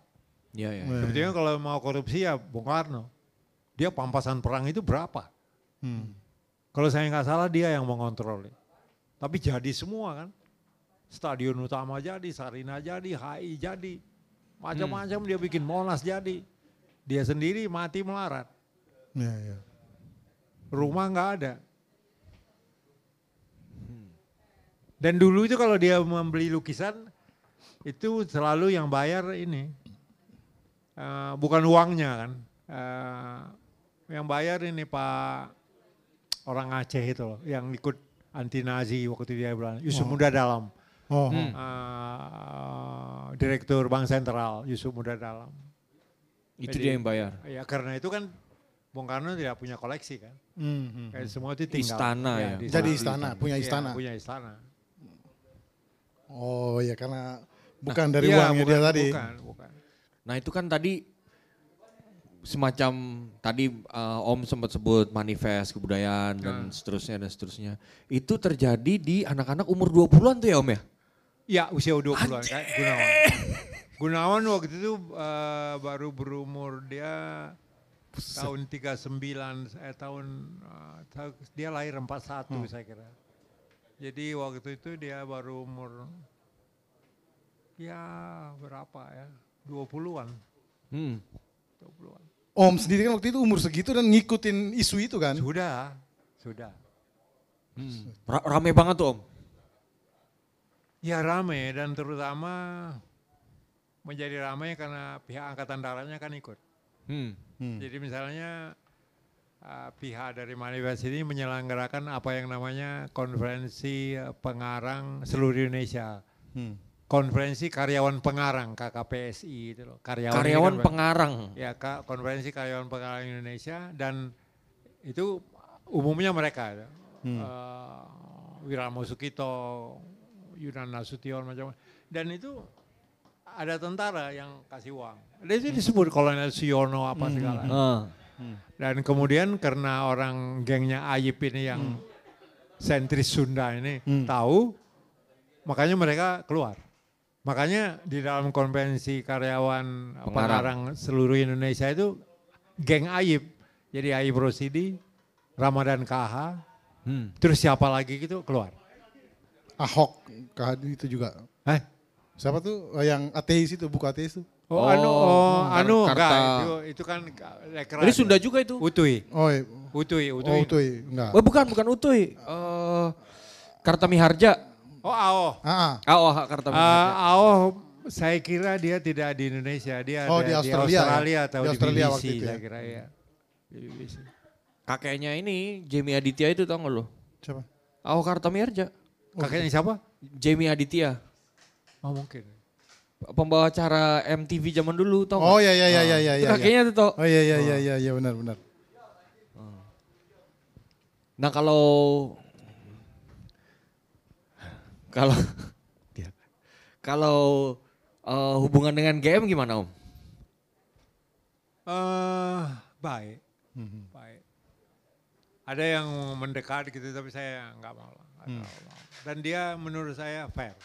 Hmm. Cuma orang yang tidak suka kadang-kadang ah si Martin ini payah. Hmm. So di buku itu saya tulis ya. Jadi waktu buruh sudah dikosongkan, Pram pulang, dia menulis satu tulisan. Dia sudah siapkan. Si- Siapa Gunawan atau Gunawan. Pram? Oh Gunawan. Nah Gunawan ini baiknya begini ya. Kalau anda tahu mengen, eh, bidang yang eh, tahu mengenai bidang yang sedang dia tulis, Ya. dia akan tunjukkan naskah itu. Oh. Oke oke. Sering Per- saya Periksa nih gitu. Iya, saya pernah dua tiga kali gitu. Nah, yang terakhir itu agak serius adalah ketika dia me- mengeritik Pram dan ada celah Pram bisa membela diri. Hmm. Ah, saya bilang, Mas bagaimana kalau ditunjukkan kepada dia lebih dulu? Hah. Wah dia agak marah. dia. Oh, oh. Kenapa? Harus tunjukkan. Loh, saya bilang dia kan kalau ini dimuat, dia tidak punya hak jawab kan dia ini nggak boleh menulis. Oh iya iya, benar. iya. Jadi dia masukkan. Dikirim berarti ke Pram? Enggak. Tidak jadi Nggak diterbitkan. Dia masukkan aja ke lacinya didorong. Oh. Dia fair. Hmm, hmm. Dia Ya, Dia fair. Dan juga terhadap bahwa dia memberikan kesempatan kepada siapa saja. Iya iya iya. Kan Semua dia Amarzan tadi ya. Amarjan, kemudian ada anaknya, Hmm. keponakannya Sarif Tayeb, Hmm. ah, Maniaka Tayeb. Hmm, hmm. Ah, itu kadang-kadang bikin dia bikin su- susah. Karena Maniaka ini kan dekat dengan Nono Makarim, dengan dengan Fikri. Jadi dia kayaknya Fikri Jufri. ah, kalau dia bikin kasbon begitu lambat keluar, yuk, kupluk lu katanya Diki. Oh, oh, oh, oh. Eh. Fikri itu saya dengar udah nggak bisa bicara deh. Enggak Eh tahu. bukannya udah meninggal? Kapan? Enggak tahu. Coba coba Bapak- cek. Enggak. Bapaknya si Kemal. Iya, eh, sebentar saya Ah, yang benar saya kira enggak. saya lupa. Harus cek dulu. Enggak, Fikri Jubri ma- enggak ada kabar saya baca. Dulu Tempo juga kan ya Om? Oh iya dia Tempo. Kayaknya sih Dia Express juga dulu. Belum dong masih. belum ya? Belum. Bapaknya si Kemal fotografer itu. Mm-mm. Belum masih dong. Masih ya? Tapi dia sudah di kursi roda. Udah ini ya. Ah. Oh iya belum, buset tuh banget. Oh, iya. Dia anak tunggal. Fikri Jupri. Fikri dia anak tunggal. Oh. Dia bapaknya Kemal. Iya bapaknya Kemal. Jadi anaknya itu si Kemal. Hmm. Nah waktu dia mau menerbitkan tulisan mengenai dia, yang dia undang itu kan kita-kita coba menulis. Tapi nggak jadi. Saya sudah terima honor. Saya Ya. bilang, saya bilang kan diajak ke Hilton. Dia suka nongkrong di Hilton itu minum bir sama Sawam Siagian. Kau kemarilah. Udah. Ya udah, aku kasih nih. Udah, ya udah ini. Ah, dikasih 500. Hmm. Bilang, Tapi nggak jadi. Saya nggak tahu pasti ya. Hmm. Tapi yang ada yang mengatakan Kemal tidak setuju bahwa di- dikatakan bapaknya itu lahir dan dibesarkan di Gang Haji Murtado. Tahu nggak Gang Haji Murtado di mana? Enggak. Di Rausari, eh, Enggak, Rausari kan? enggak. Di mana? Kan ada eh, apa, Jalan Pramuka. Iya iya benar. ah, Di ah, ah. pojok itu kan anu kan eh, Bypass. tik, anu tik apa segala- Matraman, ah, mesin tik Ah, tuh, mesin mesin tik, jadi untuk betik naskah. perempatan Matraman tuh. Ada- Oh, ah, di- ya. di awal di depan. Perempatan Di- Matraman. Belum masuk pojokan ke itu dalam dia. pramukanya kan? Sebelum masuk di Pramuka. kiri. Ya, betul. Sebelum pom bensin. Nah, Ah. nah sebelum anu tukang-tukang tik ini, itu Gang Haji Murtado. Oh iya iya iya iya iya iya iya. ya. Fikri lahir. Dekat Beluntas itu, dekat Ya, jalan betul. Beluntas. Dekat Iya, iya. Beluntas. Mungkin karena itu. Tapi Oh. kalau itu dia hipokrit, itu, itu justru kuat kan. Ya. Kenapa Dia emang? lahir. Kenapa dia nggak setuju? Malu Ya, mungkin. malu mungkin. Hmm. Kenapa malu? Mm-mm. Dan bapaknya bisa jadi begitu? Iya, iya. Iya heran. Nah, Fikri Jufri. Nah, Om apa eh, pengalaman wartawan terus kembali lagi menulis di awal-awal itu terus kan Om eh, ke UN ya, eh Ya UN, UN, Information UN gitu, Center ha. ya. Hmm. di situ sebagai wartawan enggak wartawan Tidak, kan? tapi pekerjaan jurnalistik. Itu kan Di cuma gedungnya di mana ya kalau di Kebun Information Sirih? Center, jadi penerangan. Gedung Dewan Pers tahu? Tahu? Ah, kita di lantai lima. Oh, Oh, kampus lu? Kampus gua. Lantai dua. berapa? Oh, udah, anu apa namanya? London School. Iya London School. Iya, Iya, London School. Berarti ya. mungkin ada satu waktu kita berpapasan di tangga tuh. saya kira ya. Lu saya tahun kira. berapa? Kuliah? 2001. Ah enggak, saya udah sudah pergi. Oh. Oh, enggak ketemu berarti Saya dong. 2000 udah pensiun. Oh. Nah, ha, ha, ha. Ya. Hmm. Nah, berarti kan Om juga merasakan betul Taman Ismail Marzuki sejak enggak tahu ya kalau pas waktu berdirinya Om belum mulai menulis lagi kan? 868 Enggak, Itu baru keluar ya? tunggu dulu. Itu Taman Ismail Marzuki saya alami ketika di situ kebun binatang Raden Ya, Saleh. ya. Hmm. Iya, saya alamin. Di situ ada bioskop dan saya pernah cari uang ya jadi tukang catut di situ. Oh, tiket, tiket. Iya tiket untuk masuk ke ini udah banyak ada catut. Agak agak beda ya ininya ya Om ya. Karena kan Anwar Kongo juga catut tiket ya. Anwar Kongo catut tiket. Beli kemudian jual. Hmm. Kalau kita kita bisa anu kan ada feeling gitu, oh, ini bakal rame nih, udah beli. Tahun berapa Tom itu? enam tiga enam tiga awal Itu masih masih sekolah di Multatuli. masih Hmm. Ang, waktu di sekolah Mustatuli eh, sudah enggak Oh. karena sudah ada honor dan sebelumnya itu ada kiriman dari orang tua Oh, oh, oh, oh, oh. Eh, di Gondang dia kalau anda ke jalan eh, Ciud, eh, Gondang dia di situ kan ada Wisma Aceh ada di Oh iya, masjid dekat masjid. Anu dekat eh, Bank Mandiri. Sebelum Bank Mandiri kan ada di Hmm. kiri. Sesudah Hero, terus ada Hero. Wisma Aceh. Hero. Di Perindo depan gereja berarti. atau apa dia tuh ya? Yang KWI bukan Om? Hah? Kantor KWI itu? Oh belum, belum. Belum sebelum- dari situ? Belum, belum. Jadi ya kalau dari eh, Gondang dia itu, Stasiun nih, stasiun Gondang Dia. nah, nah, nah, jangan. You datangnya dari ini, dari Ciditiro. Cut, Cut Mutia. Ya, Cik Cut. Mutia. Ah. Oh, oh, oh, oh. Nah, terus, Mm-mm. Jalan satu arah kan? rel, ya Nasdem terus rel kereta di atas. Mm-mm. Iya Oh kan? ya oke. Ya Nasdem terus rel Oh. kereta. Terus. Sebelah sini. Ah, di, di kiri dia ada Ah, Wisma ah, Aceh. ah, Oh ya ya ya ya ya. Oh dekat Hero, dekat Betul, saudara apa Hero. tuh kafe apa restoran apa tuh Betul. yang udah enggak Nah. Kal apa eh, aduh nama ikan jud nama gue lupa tuh nama itu. Itu bukan apa yang tadi tuh, apa rendezvous atau sekitar. Bukan bukan bukan. Ada. Itu kalau rendezvous sebelah sini ya, Dok. Ini Ya, sono. ya. Sono. Ya, ya, ya betul. Nah, Wisma Aceh itu itu didirikan di atas rumah Di situ dulu dikenal sebagai ini, call girl. Oh. Apa tuh call Nah, girl? di belakang rumah LC, itu LC gitu. Nah, Oh. di, Oh, di di belakangnya itulah rumah gondang di alamat dalam nomor dua di situ saya tinggal. Sobron di situ juga. Hmm, iya, iya, Ada iya, beberapa orang di situ. Hmm, hmm, hmm, hmm. Nah, tapi dia karena udah hilang. Hmm. Udah nggak ada rumah itu udah nggak ada. Hmm. Jadi hotel itu kali belakang itu kan Nah, hotel itu, tuh Om sekarang. itu yang tempat Udah, Om bukan. kos dengan ini kan? Siapa? Esan Antaguna. Iya. Iya betul. Ah. Sabaran Nantaguna ya. Sabar, Ah. Antaguna. Keras tuh orang tuh dan, berarti dia, Om ya. dan dia itu adalah pendukung eh Mbak Olekra itu masuk ke di bawah PKI langsung. Oh, Dia, Basuki. Basuki Rasobowo, kemudian SW Kuncahyo, kemudian Hersri. Tapi waktu itu Hersri. dia tidak di Indonesia. Nah kesalahan anak muda sekarang ini adalah kalau menanya Lekra itu kepada Hersri saja. Saya bilang sama mereka, kalian boleh aja tanya dia mengenai Lekra. Tapi Anda harus tahu, dia itu kembali dari Sri Lanka, Sri Lanka sebagai anggota staf uh, Persatuan Pengarang Asia Afrika. Dia pulang ke Indonesia sekitar Juni atau Juli. Jadi kalau Lekra yang sebelum itu, Hmm. Anda harus tanya Amarjan. Amarjan kan ada Putu Oka, ada, Ah. ada yang lain, ada Tikno, ada ini itu. Nah, Tapi kalau Anda menanya kepada dia, boleh, tapi lengkapilah. Iya, iya. Nah ini tadi Om Putu Oka nih. Putu Oka kan sebetulnya beberapa tahun lalu juga kita masih nemu buku barunya dia segala macam.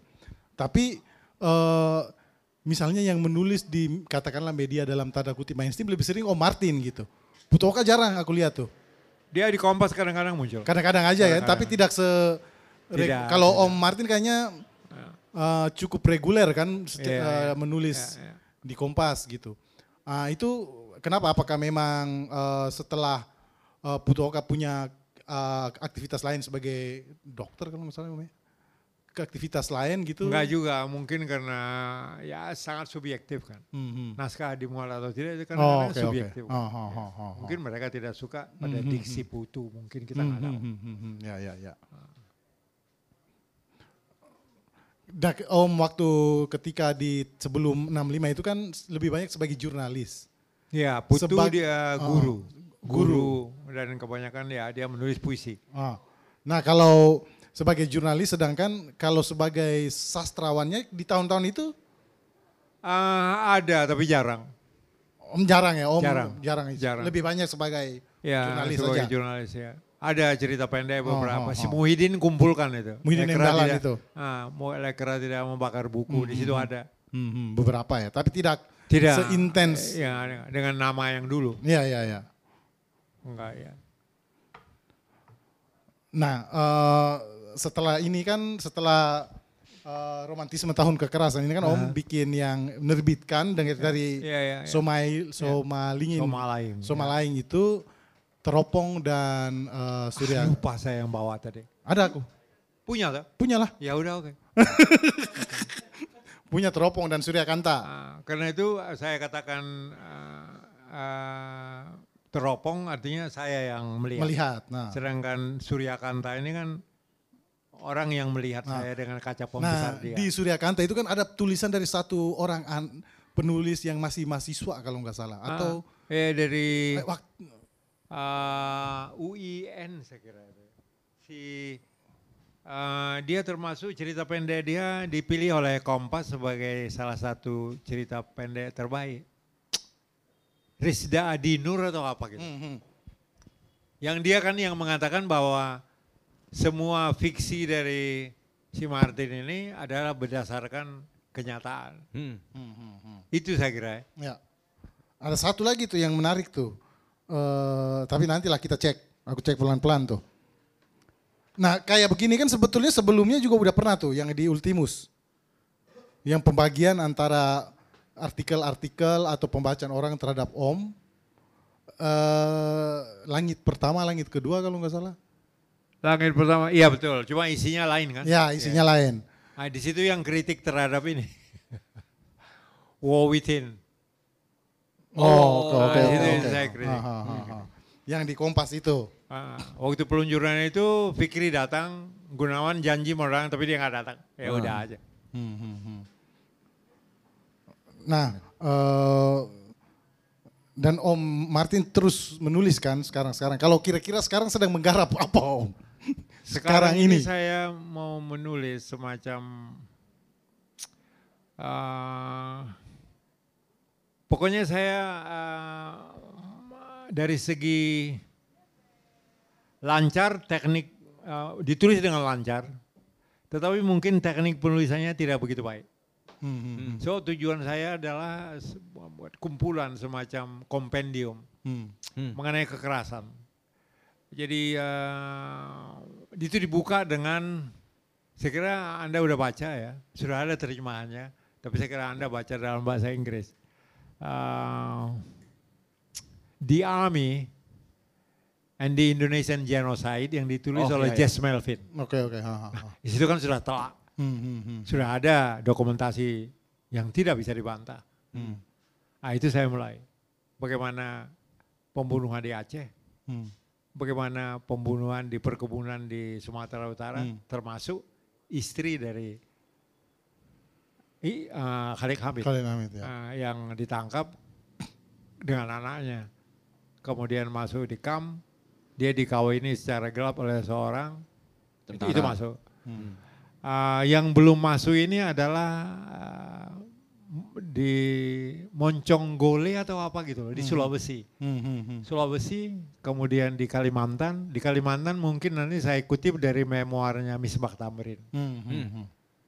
Kemudian kalau yang menarik sekali itu adalah kebetulan dari satu orang, dari John Rosa, yaitu pembunuhan dengan sengaja membuat orang mati itu di Pulau Komoro di tengah-tengah sungai eh, Musi. Kemudian bagaimana pembunuhan terhadap eh, dosen ekonomi eh, Suntoro di Ganyamada, itu itu menarik. Itu di buku John Rosa yang terbaru tuh. Ya, itu saya kutip dari eh, tulisannya John Rosa. Oh, oke. Jadi Suntoro ini Suntoro kalau saya dia sekolah di medicine di University apa gitu saya lupa. Amerika. Ya di Amerika ya. Di mana John Rosa juga sekolah. Hmm. Dia pulang sebelum G30S dia ya dituduh lah CGMI atau semacam itu atau HSI dia ditangkap dibawa pakai truk sejauh 60 kilo apa gitu. Jauh tuh. Nah, kemudian ada gerakan eh, tahun 99 kalau saya nggak salah membongkar kuburan massal. Hmm. Dibongkarlah dia. Di Sungai Musi ini. No, no, no, ini lain. Di ya, Jawa Di nih. lain, di Jawa, di Jogja.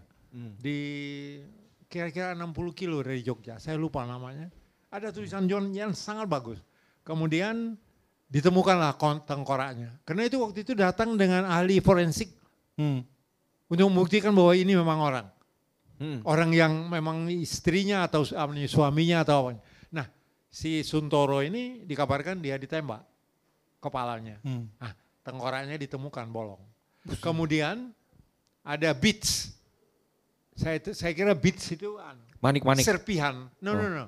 Serpihan dari blue jean yang rupanya baru dia beli dari Amerika dia pakai ketika dia Oh. dibawa. Itu menarik. Tapi yang luar biasa tulisan John dan saya kutip adalah bagaimana pembantaian di Bali. Oh itu dahsyat.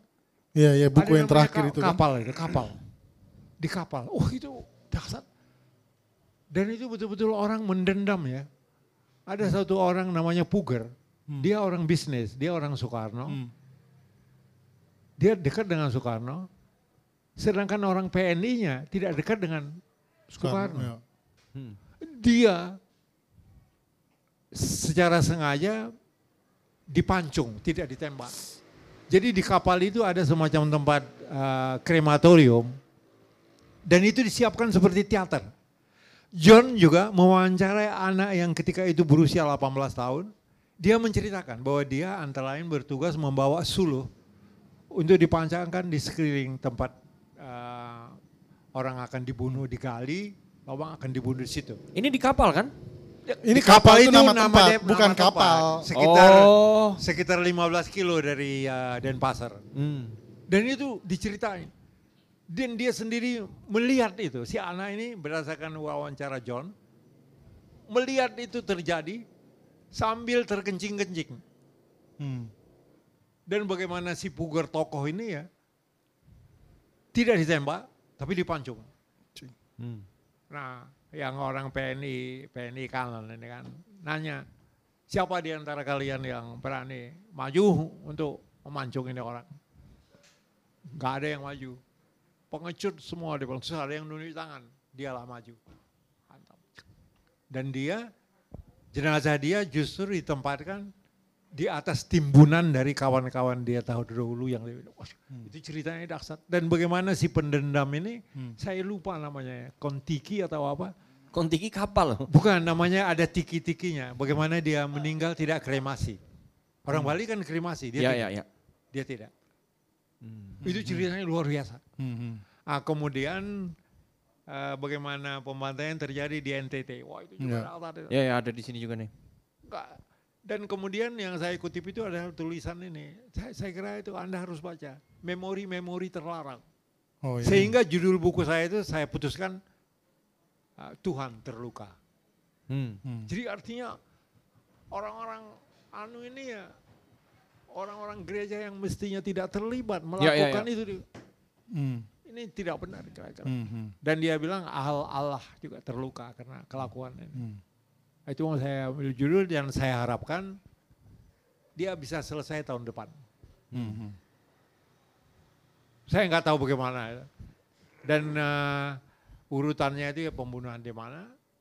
Kemudian nanti saya muat juga orang-orang yang seperti Dewi Soekarno Hmm. menulis surat kepada Soeharto. Kemudian anaknya Soekarno Kartika menulis surat di Observer. Dia bagaimana reaksi dia terhadap pelakuan terhadap bapaknya. Uh, itu juga saya muat. Juga ini yang mungkin penting. Nah, itu sengaja saya muat memang agak sulit membacanya. Itu saya ambil dari Islam bergerak. Nah, jadi setelah uh, jenazah jenderal di kalau Angkat. saya nggak salah diangkat dan dimakamkan, Nah, itu ada surat yang disusun oleh anak-anak muda NU. Ini berdasarkan tulisan Hmm. Hmm. Hmm. disusun oleh anak anak-anak muda NU yang dipimpin oleh omnya Gus Dur, Yusuf Hasim, Hmm. kemudian kelihatannya Subhan ZE, kemudian yang lain menulis semacam surat pernyataan Hmm. Mengatakan bahwa PKI terlibat dan harus ditumpas. Hmm. Tetapi surat itu tidak ditandatangani oleh ketua PN, ketua NU, Pak Idam Khalid dan jajaran pimpinan yang lain. Tetapi surat itu diedarkan keluar, itulah yang antara lain memicu Hmm, hmm. orang-orang NU. Basisnya dari Ah. ya. Oh, itu saya muat. itu saya muat. Ada itu ya? Itu ada saya temukan Islam bergerak. Saya kira di kalau saya nggak salah sih ini juga menulis itu uh, Al Al Fayad. Ada Oh, Fayad, Fayad ya, Fayad. Fayad. Muhammad Al Fayad. Ya Muhammad Al Fayad yang sekarang di Jawa Timur. Ya, ya, ya di Itu anak hebat. itu. Bukan di Jawa Tengah dia? Nah, nah, nah. Jawa Timur, Jogja. pesantren Jawa di Jawa Timur. Dia belajar di uh, Perancis. filsafat di Perancis. Ya. Ya. Hebat juga itu orang. Hebat. Dia dia antara lain menulis itu. Itu saya muat. Ya Islam bergerak dulu-dulu Fayad gitu-gitu yang Ya, ya, ya, aktif gitu ya. Sekarang mungkin nggak tahu tuh. Pernah ketemu dia? Sering dulu, dulu kan Di mana? dulu sempat Ini sebelum berdebat sama dia. berdebat. Saya kepingin ketemu sama itu. Ya dulu dulu dulu banget waktu bukunya Martin Surajaya pertama kita Di Jakarta. kita ke Jogja, nah dulu ketemu Oh. main Kan ke Jogja ke tempat kan dia kan? Tapi waktu si Fayad itu mau ke Paris. Perancis. Paris, Perancis dia kalau nggak salah ngekos tuh di sekitaran Sentiong. Di Jakarta. Ah, ah, Sentiong Jakarta terus sering main ke STF dulu Om. Mungkin dia kos di Sentiong dekat ke kantor NU kan? Iya Oh bisa iya jadi, benar, jadi, benar, bisa jadi. benar, benar. Tetapi karena belajar filsafat, eh belajar bahasa mungkin ya, mungkin belajar bahasa IFI. Prancis di IFI di Salemba. Oh iya betul. Jadi dekat Iya. tuh. Iya, Oh. saya juga pernah NU, saya IFI. pernah kursus di situ Iya. juga Ah. sama Sabam. Oh, oh. Sabam Siagi, Sabam Sabam, Siaga. no no, Sabam Simanjuta. Oh. Apa Menteri eh, Kejaksaan Agung itu loh. Hmm. Sabam bukan Sabam Marsilam. Oh Marsilam Marsilam. Oh, 5 iya, juta. Iya, iya. Oh. Saya pernah kursus di situ lucu. Itu kan saya di tempo umur sekitar 35 udah ya. Hmm. Kan umur saya kan sudah hampir 40. Sementara di kelas itu banyak anak-anak muda baru lulus SMA, mahasiswa-mahasiswa kan. Kalau saya disuruh membuat kalimat, tentu kalimat itu lahir dari saya De- sebagai dewasa orang lah. tua, Ah. dewasa toh. Ah. Jadi bahan ketawaan. Ah. Saya pikir bagaimana saya mengatasi ini. Saya ketemu direkturnya. Oh. Saya bilang saya nggak bisa ngikutin ini deh. Karena dia merekomendasikan. Masuk? Ah, dia bilang begini kalau Martin nggak ini nanti kita cari cari kelas yang lain. Ternyata ketemu ini lumayan dan saya top di situ. Oh. Marsilam. Kan- bukan Ah, pegawai-pegawai negeri dari departemen penerangan, Oh. orang-orang tua. Jadi semua tewas kan. Ah. Ah, kemudian nggak tahu bagaimana saya keluar. Oh. Saya masuk lagi, eh, kursus itu kemudian dikembangkan di, ada di, eh, Wijaya. enggak, kalau Anda di ini ya, kantor polisi Matraman itu, di seberangnya ini ada, Fuji. ya sekitar itu. Fuji, Jadi ya. kursusnya di situ. Hmm. Kursus, nah, di situ ketemu Marsilam. Karena itu kan dekat rumahnya kan. Oh. Kan Marsilam kan rumahnya kan Jaksa di, Agung kan ini. Iya belakangan di Jaksa Agung. Matraman. Matraman ya. Saya nggak tahu sekarang di mana deh.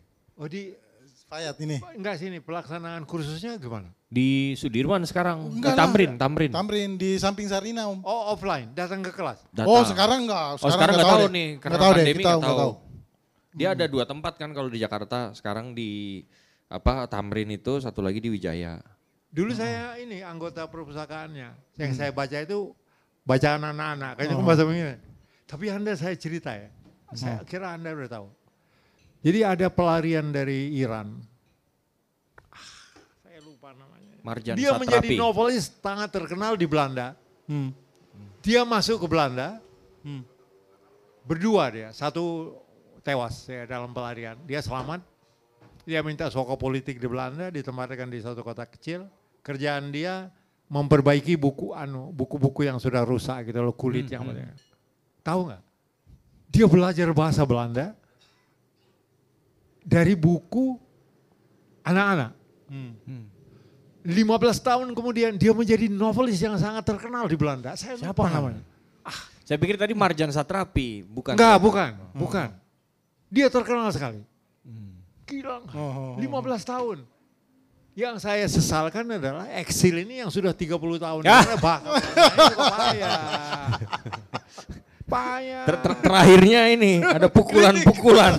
Terakhirnya pukulan-pukulan. Kita yang payah. 15 tahun. Eksil. 15 tahun dia terkenal loh dia. Hmm. Kader atau apa gitu ya. Nih dok, se- ini nih kita udah dua jam nih om, kita udah dua jam nih. Jadi sebelum ini ada dua teman mungkin Eh iya. gua masih ada pertanyaan sih, tapi mungkin ada yang mau komentar atau apa. Ini Reza Hilmawan nih teman dari juga dulu di Bandung, sekarang di Jakarta bolak-balik lah dia nih. Gimana Ja? Nah kalau dia udah mulai bakar rokok tuh kayak tanyanya serius tuh kayak. Panjang, panjang dan serius. Oh, oh. Silakan Ja. Enggak usah panjang-panjang tapi Ja. Enggak, enggak. Kalau di kasus ini sih apa namanya? Dari tadi nyimak ya. Maksudnya cerita-cerita berusaha merekonstruksi nih tadi cerita-cerita Jakarta tahun 60-an gitu ya seru. Cuma yang apa namanya? Yang saya tangkap gitu ya. Maksudnya dengan apa yang belakangan saya alami gitu. Eh yang menarik adalah ini, kan Nyoto juga ada buku barunya ya. Nyoto ada buku barunya yang dari skripsi apa tesisnya anak UI tuh. Oh iya iya yang terbitan margin kiri. Terbitan margin kiri tuh. Bukan bukan kayaknya satu uh, anak skripsi dari anak sejarah UI. Enggak ada jangan lupa, ada seorang dia sekarang mengajar sejarah di saya kira Universitas Islam Negeri Jogja kali. Namanya dia dia pakai jilbab dulu. Mau perempuannya ya? Dia dia mewawancarai hampir 100 orang mengenai nyoto. Dia menemuin saya ada beberapa kali. Dia sempat membawa kalau saya nggak salah eh, tulisannya itu atau apa pun ke Belanda. Bukan itu, dia dia yang anda sebutkan ini laki? Laki-laki. Oh bukan. Ah, dia dari sejarah UI ya kalau Oh, salah oh, ya. Nah, maksudnya dari potongan cerita itu dari pihak lain terus dari Om sendiri gitu saya dengar bahwa Nyoto ini emang sosok yang bener-bener nih ya, cerdas gitu ya. Dan tadi ngetik nanggepin kritik 15 menit doang gitu ya. Gila. Kalau lu lama Dengan dua banget. jari ya. Kalau gue tuh mesti bangun, makan dulu, ngerokok dulu gitu kan. Nah, terus mikirnya adalah pengen nanya hal-hal seperti itu umum gak sih Om eh, untuk pejabat-pejabat pada saat itu gitu. Karena kalau sekarang kan ya, ya kalau kita lihat kan sama-sama sibuk ya, cuma kesibukannya beda gitu kan. Tidak membangun intelektual dan membangun istilahnya gitu loh, dari kerjaannya, pengalamannya dia menulis apa gitu kan. Eh, sangat bermanfaat. Beda sekarang zaman tuntutan zaman sekarang gitu. Tapi sebenarnya itu sangat eh konstruksi yang sangat positif gitu. Karena saya sempat mikir, nggak tahu salah apa bener nih Om ya. Jadi cara berpikir kritis itu seperti budaya pop di era itu.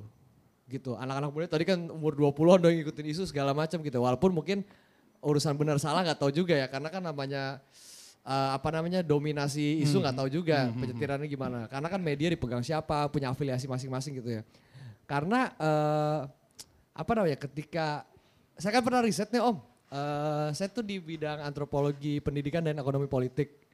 Nah saya pernah riset baca tulisannya saya waktu itu ya bahwa sebenarnya ada agenda di Orde Baru untuk menghapus organisasi-organisasi pemuda karena definisinya pemuda sama remaja transisi sebagai transisi di Orde Baru kan lebih ke remaja gitu ya. Untuk menghapus eh, pemuda-pemuda kritis dan cerdas ini yang akhirnya melibatkan pendirian organisiswa internasekolah yang kalau di era saya gitu ya kalau saya kan lulus SMA tuh baru 2011 om. Maksud itu lu nih? o- enggak maksudnya ketemu OSIS itu akhirnya cuma beda sama organisasi-organisasi pemuda cerita zaman dulu gitu. OSIS itu kerjanya cuma eh, cerdas cermat tanpa konteksnya, olahraga dan seni tanpa konteksnya sama tempat cinta lokasi gitu kan. Jadi sangat mungkin itu menjadi s- eh, upaya eh, penyeragaman cara berpikir anak-anak mu- pemuda yang tadinya kritis di kotaknya jadi terjebak di dalam tiga hal yang saya sebutkan tadi gitu. Nah kira-kira benar nggak sih om pendapat saya bahwa dibandingkan sekarang setidaknya eh, budaya berpikir, eh, cara berpikir kritis itu adalah budaya pop dan apakah kayak Menteri Nyoto tadi itu umum gak sih eh, untuk membangun intelektual dan meluangkan waktu untuk itu gitu. Mungkin itu om, terima kasih. Enggak, saya kira kalian dua yang menjawab. Enggak, tapi ya waktu itu pejabat eh, mungkin BM dia sebagai ya Menteri Penerangan mungkin dia menulis juga karena terjadi polemik mengenai Soekarnoisme Ya mungkin. ya ya, BM Oh, dia, ya, ya, Ya, BM dia. Yusuf Ishak. Eh, Yusuf Ishak dia wartawan. Dia bekerja di dia tidak Oh iya dia, iya dia iya. tidak Enggak, saya pikir tadi polemik yang itu tadi, Enggak, Soekarnoisme. Eh, kalau pejabat, saya nggak tahu ya. Tapi misalnya Syah- bahwa Syahrir mungkin Om. Eh, Syahrir ya itu di atas, jauh di atas saya ya. Jauh Tapi masa jauh, sebelum ya. Jadi, eh, tapi dia penulis juga kan, Syahrir kan menulis, menulis. Tapi kalau dia mengetik misalnya hanya 15 menit cepat, mungkin di dalam mobil dia sudah pikirkan. Iya, Dia iya. Pikirkan. Tinggal Tapi itu kan dia tiap tiap hari, mungkin juga di rumah atau di kantornya dia kerjakan ada uh, pengemudinya yang suka membawa naskah dari dia. Uh, Makanya ketika saat-saat uh, 1 Oktober itu masih masih ada naskah yang dibawa. Oh iya iya yang Ya ada di kan? sini Kan nih. dia terbit tanggal 2 yang kan? terbit ya. tanggal 2. Tapi Wahyudi yang dinas malam itu um, kan diminta tidak terbit. Ya ya. Tapi oleh Wahyudi yang bertugas dan Mu- Muslimin Yasin pemimpin redaksi kebudayaan baru menolak karena mereka meminta surat resmi dari Kodam Ya. bahwa ini tidak bisa terbit. Akhirnya terbit. Menegangkan betul kayak tangan itu ya. Tapi siapa ya. yang membawa itu nggak jelas. So biasanya kalau yang membawa itu adalah supir dia kurus, namanya Kunli atau bodyguard dia eh, Hardono. Udah meninggal semua. Hmm. Ah, jadi ya dia tidak tiap hari datang. Juga nggak tentu. Tapi harian raya itu yang hebatnya adalah eh, kalau ada pertemuan-pertemuan internasional, misalnya seperti 10 tahun konferensi Asia Afrika. ada Games of the New Emerging Forces, Ganevo. Ada konferensi anti pangkalan militer asing. Ah, tiap hari harian raya itu terbit dalam edisi Inggris. Oh gitu. Ya. Ya. Ngeri Saya juga. punya. Jadi selain Indonesian Observer, Indonesia Time, ya tamu-tamu luar itu bisa membaca raya. harian dalam edisi bahasa Inggris. Dan itu redakturnya itu uh, Bung Zen, mati dia di Nusa Kambangan. Hmm. Kalau Anda baca buku saya Tanah Air yang Hilang, Oh, iya, iya, itu iya. istrinya bercerita bagaimana sang suami itu mati. Eh, saya kira itu, jadi waktu saya juga dilatih, waktu meliput, saya kira itu pembukaan Ganevo ya. Hmm. Jadi Naibaho ini punya mobil, saya kira itu bekas ini. Bendungan, ben- pembuatan bendungan anu, ah, Jatiluhur. Jatiluhur ada mobil Citroen yang gitu. Ah, ah, ah, Ah, dia yang beli hatchback. bekas itu ya. Ya. Ah, Lampu bulat di ya, depan. Dia ikut, Ah. terus di dalam, kau sudah mulai menulis sekarang. Hmm. Jadi di jalan ini kau sudah temukan paragraf pertama. Nanti kalau kau sampai di kantor kau terlalu lama itu. Hmm. Sudah di sudah dilatih seperti itu dulu. Tapi saya kira sekarang lebih cepat, nggak bisa dibandingkan. Iya. Iya. Nah, cuma Gus Dur dan saya kira dia benar. Gus Dur kan pernah bilang, wartawan selalu salah. Ya Bung Karno selalu mengkritik wartawan. Hmm. Anu eh, menulis junta salah, menulis kudeta salah. Kalau Ah. dia pidato dia dikasih tahu, eh wartawan salah mana. Nah, iya dia dia ngomong langsung di pidato di depan rakyat. Nah, eh, apa yang mau saya katakan ya, eh, itu itu itu dilatih sudah. Kalau Gus Dur tadi gimana? Kalau Gus Dur ini kan eh, Wartawan selalu, dia selalu pernah salah. bilang eh, wartawan ini sering salah kutip, melintir gitu. Hmm. Eh, menurut dia bertambah wartawan pakai tape recorder itu bertambah salah dan itu betul. Ah.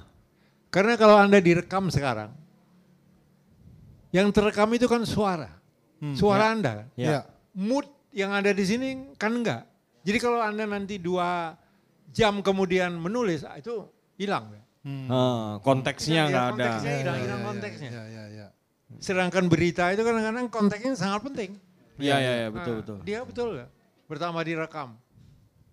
Nah, kalau saya dulu bekerja di Tempo, dan Gunawan pernah bilang kepada Ramadan KH, kan Ramadan KH ini pernah saya wawancarai bersama Erzur Perdi mengenai tim, tapi tidak konver- kontroversial. Oh, oh. Kita tidak pakai catatan. Terus Ramadan ketemu sama Gunawan satu ketika, itu bagaimana ya wartawan Tempo tidak mencatat? Oh, kita menghafal. katanya. Ah. kita menghafal. Dan menurut saya kalau menulis profil, tambah dicatat, tambah tidak tidak lancar. Tambah Yang jelek. asik itu adalah kita ngobrol aja begini. Hmm. Kalau ada angka, kita tulis di bawah meja. So kalau Anda tulis begini di depannya, orang itu akan formal sekali kan. Iya, iya. iya. Iya, tidak ada yang orisinil. Ah. Kecuali misalnya kontroversial ya, kita harus hati-hati. Ah, oke. Tapi ada bahayanya. Saya pernah wawancarai ya, dan ditulis panjang dan dapat reaksi luas. Jadi saya wawancara dengan Sarman Hadi. Dia ini notaris, uh, pembuat akte tanah termasuk akte tanah cinda, cendana. Hmm. Dia itu ke kantor pakai jeep. Tapi dia ini lumpuh. Hmm. Dia lumpuh. Nyetirnya gimana? Hah? Nyetir. Ya pokoknya kita nggak tahu loh. Pokoknya dari kursi roda dia lampu ke lompat ke ke kursi jeep jalan. Nanti sampai di kantornya dia Ada lompat ke kursi roda? roda masuk ke dalam. Nah kita ngobrol gini, ngobrol gini, saya nggak nyatat. Kecuali angka ya. Saya tulis. Dia, niat dia baik. Dia mau mengatakan bahwa orang cacat itu, itu tidak halangan. Gitu. Saya tangkap begitu. Hmm. Jadi dia ceritakan. Saya tanya anaknya berapa? Dia cerita, dia punya anak. Loh, biasanya kan orang yang Hmm. Lumpuh. itu kan lumpuh kan nggak bisa bangun. Ah. Dia cerita. Hah. Rupanya itu barang baru waktu itu. Ada pompa. Oh. Iya. Nah, Anda sendiri kan kaget. Iya. Itu saya kira tahun awal 80-an ya. Ada pompa.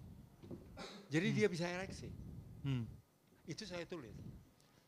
Yang konyolnya naskah itu turun diturunkan oleh Basari Asnin karena Basari juga mungkin terpesona. Ya. Turun ke bagian tata muka dikasih ilustrasi.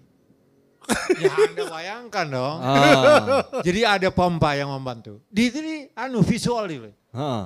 Terbit dia kan. Sabam Siagan datang ke kantor. Waktu itu dia pemimpin redaksi Cina Harapan. Apa ini pompa-pompa? Dia nggak marah sih. Anak aku di luhur geger. Kan pungut di luhur kan banyak pasar. lah. Ya, ya, ya. Ah, itu jadi bacaan anak-anak, jadi dia kalangan anak-anak ini kan di, jadinya eh pompa-pompa gitu. jadi, jadi rame. Nah, teman di sebelah si Harun Musawa bilang, Martin kau salah. Kenapa kau tidak pakai apa? Saya diam aja. Hmm. Dua minggu kemudian muncul surat surat pembaca dari Salman Hadi. Heeh, marah dia. Enggak, dia tidak marah. Malahan dia kirimkan undangan karena dia mau menyelenggarakan lomba uh, paraplegia, apa ya kursi roda. Oh, paraplegik. Ah, paraplegia. Jadi terus waktu itu saya kan sudah pegang ol- olahraga. Hmm. Saya bilang sama reporter, saya ikut, Hmm. Hmm. saya ikut tulis. Jadi tulis balik. Wah dia berterima kasih sekali. Hmm. Jadi kita bisa hilang kontrol ya. Oh, oh. Mana yang sebetulnya off the record, mana yang Ya, ya, ya. Ya, ya. ya. bahayanya di situ. Tapi ketika kalau ketika Anda menulis, itulah yang terbaik. Ya, ya, ya. Oh, oh, Karena Anda tidak diikat oleh siapa pun. Heeh. Tapi jangan ditunggu lama ya. So nanti imajinasi pada hilang. Ya. oh, oh, oh, oh. Hmm. Oke. Enggak nih, mendengarkan saja. Oke. Terakhir dari gua nih, kita udah dua jam lebih nih Om. Terakhir dari saya, eh, tadi kan Om Martin sempat, tadi ya penulis dari Iran yang jadi terkenal setelah 15 tahun gitu. Terus sedikit mengkritik para penulis eksil gitu ya. 30 tahun ngapain aja? Oh, oh. Nah, kalau pandangan Om Martin terhadap karya-karya yang mengangkat tragedi 65 nih sebagai latar yang ada di Indonesia baik film maupun eh, sastra gitu ya dan mungkin juga musik beberapa gitu di luar Joshua Oppenheimer seperti apa? Saya kira ya itu tema luar biasa. loh. Hmm. Tidak bakal habis. Nggak habis-habis. Tidak habis-habis. Dan saya bangga sekali.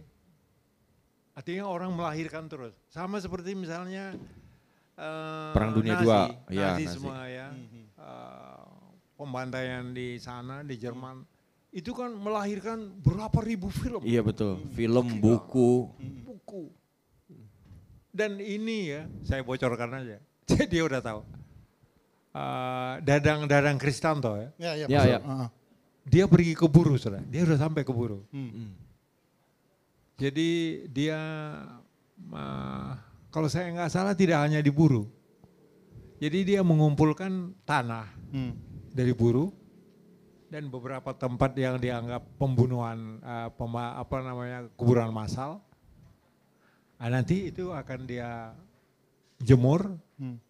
dijadikan tepung, dijadikan bahan untuk karya dia. Hmm. Hmm, hmm, hmm, hmm. Mungkin sudah jadi, Hmm, hmm. mungkin. Seperti itu misalnya, atau banyak sekali seperti sekarang ini ya. Kemungkinannya banyak betul ya. Banyak betul dan sekarang ini ada namanya Tumiso yang dekat sekali dengan Pram waktu diburu. Dia dapat dukungan dari antara lain dari FAI. Tapi tidak resmi. Dia minta dia minta aja duit, dia minta aja duit. Saya mau keburu. Yang dia kerjakan adalah uh, membersihkan kuburan-kuburan orang yang mati di sana. Hmm. Wah itu bagus. Iya, iya, iya, iya. iya. Itu itu hebat. Dia kerjakan sendiri. Dia kerjakan sendiri. Banyak saya kira tema yang luar Iya. biasa. Dan Anda harus perhatikan ya.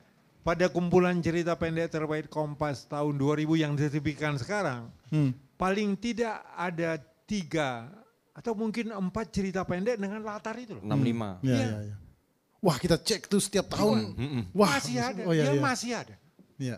Masih ada. misalnya Raudal, dia bercerita tentang satu toko di Bali itu Hmm. di Denpasar. Rawadal. Raudal Tanjung Banua. Raudal, Oh. itu kemudian ada lagi siapa gitu. Hmm.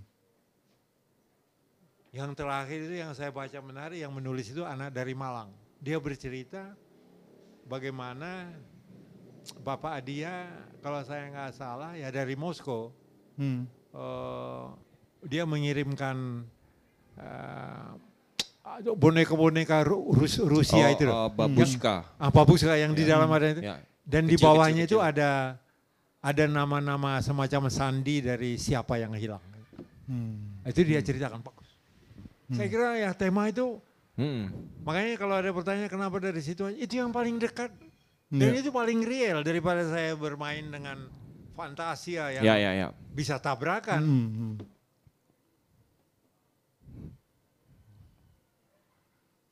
Oke dok, Om Martin, cukup Terima kasih kita banyak. sudah Terima dua banyak, jam Om. lebih. Saya, saya yang berterima kasih Terima- dan saya dapat kehormatan Anda undang kemarin. Iya betul. Kami sangat Kebalik Om. sangat terhormat Om Martin mau Ah. datang nih.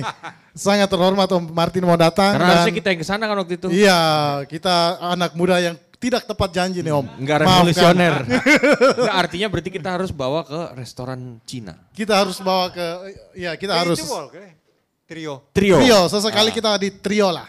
Kapan? Ah. Di Kapan? seberangnya itu ada juga yang restoran. Kan Om Martin udah jarang ke tim nih sekarang nih.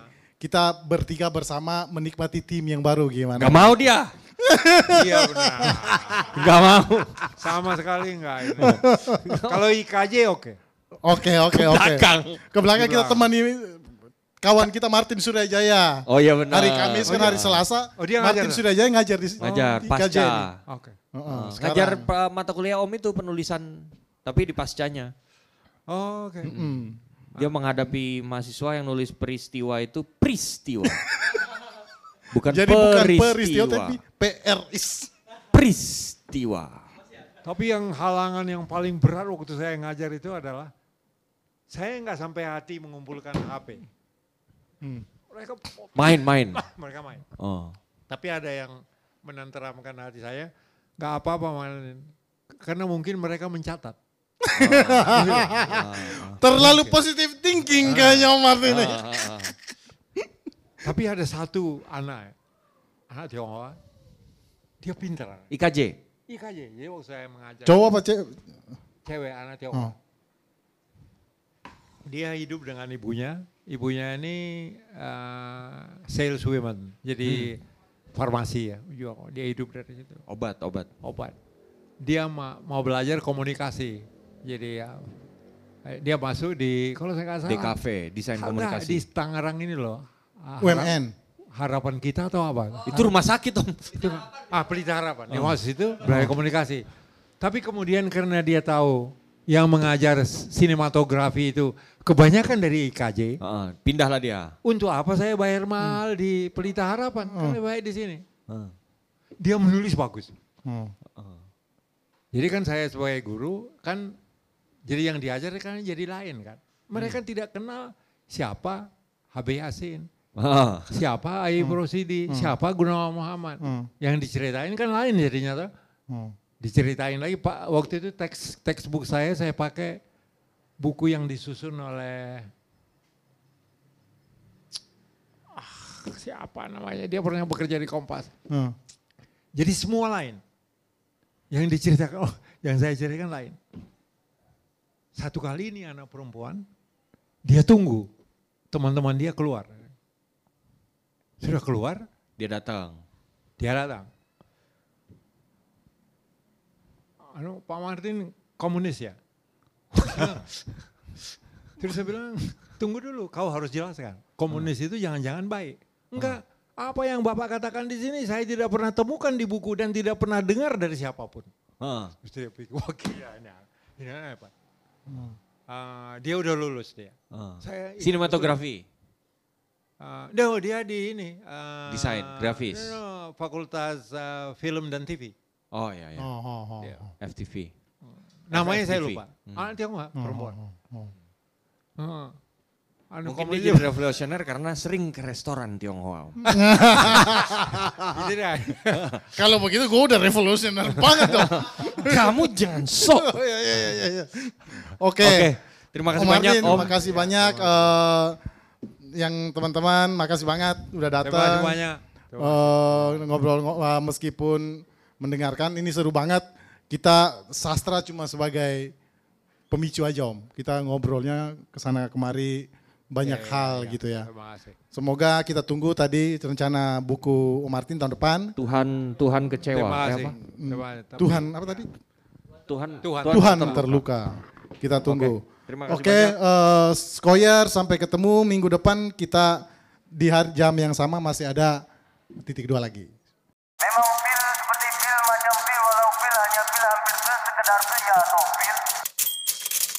Titik dua.